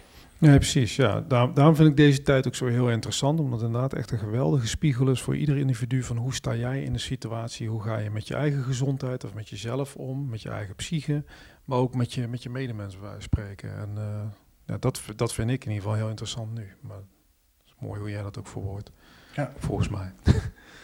um, had je nou nog een uh, dingetje die je net wilde, wilde benoemen? Je had twee onderwerpen, zei je. Nee, dit was dat stukje van uh, ja, die arts, intellectueel, iemand die dan aan die onderkant en dat ik ook wel uitspreek dat ik uh, verwacht of eigenlijk weet dat die spiegeling en het upside down zal gaan. En dat is weer gekoppeld aan dat stuk wetenschap, gezondheidszorg. Ja, ja oh ja, je zei nog van er gaat heel veel naar boven komen, dat was daar ook aan gekoppeld. Ja, nou dat is wel een stukje inderdaad, ik heb het gezegd over hè, ziekte en dood uh, en, en, en dit stuk inderdaad van ja, dat je dus een totale omslag gaat zien in die wetenschap en die gezondheidszorg. Ja. Zeg maar, het is heel fijn om eensgezinde mensen te vinden en je versterkt elkaars verhaal. Dat, zeg maar, ik kan me voorstellen als mensen hier naar luisteren, echt denken, nou die twee gasten zitten echt op een andere planeet, weet je wel. Die uh, denken dat ze het allemaal wel weten, en, uh, uh, maar die, die zijn de weg kwijt. Zo wordt er ook wel eens over mensen zoals wij, zoals wij spreken en nu denken, gesproken. Wat voel jij daarbij of wat vind jij daarvan? Ja, ik denk dat het, ja, dan komen we terug op de kern van dit verhaal. Hè? En dat is dat die, als die trigger zo in iemand beleefd wordt, en ik ken hem, dus laat ik in alle kwetsbaarheid zeggen, en heb ik ook meerdere malen gezegd, ik ben ook een zeer gerationaliseerd wezen geweest. Ik heb ook alles alleen maar vanuit mijn hoofd gedaan. Ik heb ook uh, oprecht geloofd dat er helemaal niks meer was tussen uh, hemel en aarde. Um, ik ben ook heel aangepast en volgzaam geweest op een bepaalde manier. Dus ik denk dat mijn missie is juist om die werelden ook te verbinden en om die deur ook open te zetten. Kijk, dat is de oprechte boodschap. Uh, op het moment dat ik dat niet zou kunnen aankijken, had ik zelf nog een weg te gaan. Dat is een jarenlang pad geweest. Want ik kan je vertellen, op het moment dat dan je ogen geopend worden en je kijkt terug, ja, daar, vandaar die nieuwe geboorte bijna. En dat zijn woorden. En als je dat niet hebt meegemaakt, denk je, ja, wat, wat, wat, waar gaat dat over? Nou, misschien kun je het je voorstellen dat je hele perspectief, je hele verhaal alles waar je in geloofde, uh, bleek anders te zijn. Bleek niet te kloppen. En naar die fase gaan we met elkaar. De mensen die het doorkrijgen, ehm, soms onomkeerbare dingen hebben gedaan, dat wordt heel heftig. Dat wordt echt heel heftig. En dan is het belangrijk ja, om dat te kunnen duiden en ook te kunnen snappen dat, uh, wat, wat zo'n weg betekent. Dus niet veroordelend van. Uh, en, uh, in die zin zijn er geen verkeerde keuzes. Er is een ervaring, hè? er is een ervaringspad wat dan uiteindelijk ook zo moest gaan en mocht leiden tot bepaalde inzichten. En vandaar dat ik ook altijd zeg, ja, weet je, in vrijheid informatie delen. Ja, wat kan daarop tegen zijn? Als je het niks vindt, dan scroll je verder. En zo is het met alles. Hè? Ik bedoel, het is helemaal niet zo ingewikkeld. Dus... Uh, ik denk als mensen heel erg geraakt worden en het meteen bestempelen en veroordelen als, eh, als onzin of nog erger, dan zegt alleen maar iets over jezelf. Dat is ook oude wijsheid. En ook daar hoef je niks mee te doen, want ook dat is vrijheid. Maar het zegt vooral niks over ons, Wouter. Ja, ik geloof ook niet dat wij veel kwaad doen door hierover te kletsen. Nou, nee, precies. Maar ja, mooi. Interessant. Nog dingen die je wil behandelen, wil toevoegen? Ja, we hadden het net als laatste over um, hè, mijn kijk terug op mijn leven. En dat het dus nooit een veroordeling of een oordeel is van, vanuit mijn kant. En dat ik dus heel goed weet hoe het is om heel gerationaliseerd te leven. En dat ik ook snap uh, dat er dan hele andere ja, zaken, eh, zaken anders worden gezien vanuit een heel ander perspectief. Maar ik wil wel zeggen dat uh, juist de mensen die. Um, nu gaan voelen, hè, die een tijd lang dit verhaal hebben gevolgd en wellicht gaan voelen wat wij ook uitdragen, een stukje in aanvang. Voelen misschien het klopt niet en daarna willen gaan acteren, naar dat gevoel willen gaan luisteren. Dat dat, en dat is misschien wel een hart onder de riem, ehm, ja, dat dat een heel moedig pad is. Want um, kijk, het pad uh, moeten gaan bewandelen en, en, er uiteindelijk achter komen. Het gaat nogal ergens over. Het gaat over hè, uh, echt een groot maatschappelijk en, en, en, wereldwijd thema. Het gaat over ja, iets wat je met jouw eigen lichaam wel of niet hebt gedaan. Misschien wel ook bij je kinderen. Uh, en um, los van alles, op het moment dat je dan op, op een gegeven moment erachter komt dat de waarheid dus voor jou verandert en jouw perspectief, om dat überhaupt aan te gaan en toe te laten, daar is ontzettend veel moed voor nodig. En uh, ja goed, ik ken dat pad van veel eerder en uh, het is alleen maar heel erg bewonderenswaardig als je dat doet. Dus dat is wel wat ik wil zeggen, als er mensen zouden luisteren of kijken die, um, die dat meemaken op dit moment, weet, ja, je zult echt wel beladen worden wellicht met, met schuldgevoelens of schaamte. En laat dat ook vooral toe, maar weet ook ja, dat je een, uh, een heel moedig pad loopt voor jezelf hè? en in jezelf. Want uh, ja, dat is niet misselijk wat er dan op je afkomt. Ja, precies. En ja, de, ik vond het zo mooi. Iemand zei tegen mij: van, je hebt altijd maar twee keuzes. Het is altijd liefde of angst, zeg maar. En ja, welke keuze maak je? En dat geloof ik hier ook heel erg in van. Hebben, überhaupt in het hele narratief, maar ook bij hoe zie je jezelf. Kies altijd voor de liefdevolle weg voor jezelf. Ook al uh, kom je erachter dat je achteraf dingen anders zou doen. Het is niet erg dat je er achteraf achter komt. Wanneer je het gewoon vanuit liefde voor jezelf doet. En dan niet vervolgens nog bij wijze van spreken boos op jezelf gaat worden. Omdat je ooit een andere keuze hebt gemaakt. Of anders hebt geacteerd of gereageerd. Ja. Het zou mooi zijn als dat meteen lukt, maar voor velen zal toch wel gelden. En ook dat heeft een functie, dat er dan juist diep weggestopte schuld- en schaamtegevoelens die verder gaan als dit stuk, dit verhaal, aangekeken worden. Want waarschijnlijk zijn er dan andere momenten in jouw leven geweest, niet waarschijnlijk, die zijn er geweest, waarin je eh, ook achteraf gezien keuzes hebt gemaakt die niet goed bleken voor jouzelf. En om daarachter te komen, dat heeft met een stukje zelfverlating te maken. Dat, uh, dat is niet niks. Dat is een, uh, dus het klopt helemaal wat jij zegt. Uiteindelijk daaruit komen en zoveel mogelijk uh, zelfrespect en compassie beoefenen is belangrijk. Alleen vooral niet die gevoelens weer opnieuw gaan ontwijken. Dus als die gevoelens er zijn, en die zullen er zijn, ja, doorvoel die en probeer ze niet weer naar buiten toe te projecteren. Want dat is weer het oude narratief. Hè? Dan zullen we mensen gaan krijgen die het oog om oog, tand om tand principe willen gaan toepassen. Wellicht omdat ze zeggen, ik ben misleid. Ehm, maar uiteindelijk heb je dan jezelf misleid. Hè? Er is niemand tot op de dag van vandaag die ons fysiek op wat voor manier dan ook echt gedwongen heeft. Wij hè, maken ook een bepaalde keuze en in die zin zijn we nog steeds vrij. Het wordt ons moeilijk gemaakt, maar dat is, uh, dat is om een bepaalde reden waar we eigenlijk heel dit verhaal uh, onder kunnen leggen wat, wat je net omschrijft, wat we net omschrijven, is volgens mij ook echt het schaduwwerk waar je het in het begin over had. Het is schaduwwerk van oké, echt naar binnen keren, naar jezelf gaan kijken. Wat, Waar voel ik me goed bij, waar voel ik me niet meer goed bij. Ja. En inderdaad, ja, dan hopelijk tot uiteindelijk tot de conclusie komen dat je het vooral met heel veel compassie en liefde voor jezelf uh, je het, op kan lossen, zeg maar. Het, een plekje kan geven, bij wijze van spreken. Ja, het is schaduwwerk. Het is kijken naar de stukken van jezelf die je liever niet ziet. Uh, en die je dus het liefst in de schaduw houdt. En om die in het licht te gaan zetten en om dat te doorvoelen, ja, dat is een pijnlijke weg. Maar uiteindelijk is dat de weg van, van uh, heelwording en het stuk uh, om die componenten in jezelf te, kunnen, ja, te kunnen doorgronden, maar ook vooral te kunnen laten verbinden. Want we zijn allemaal. Um, ja, ik zou eigenlijk willen zeggen, we zijn allemaal, uh, ja, je zou kunnen zeggen, perfect in onze onvolkomenheid. Ja, mooi.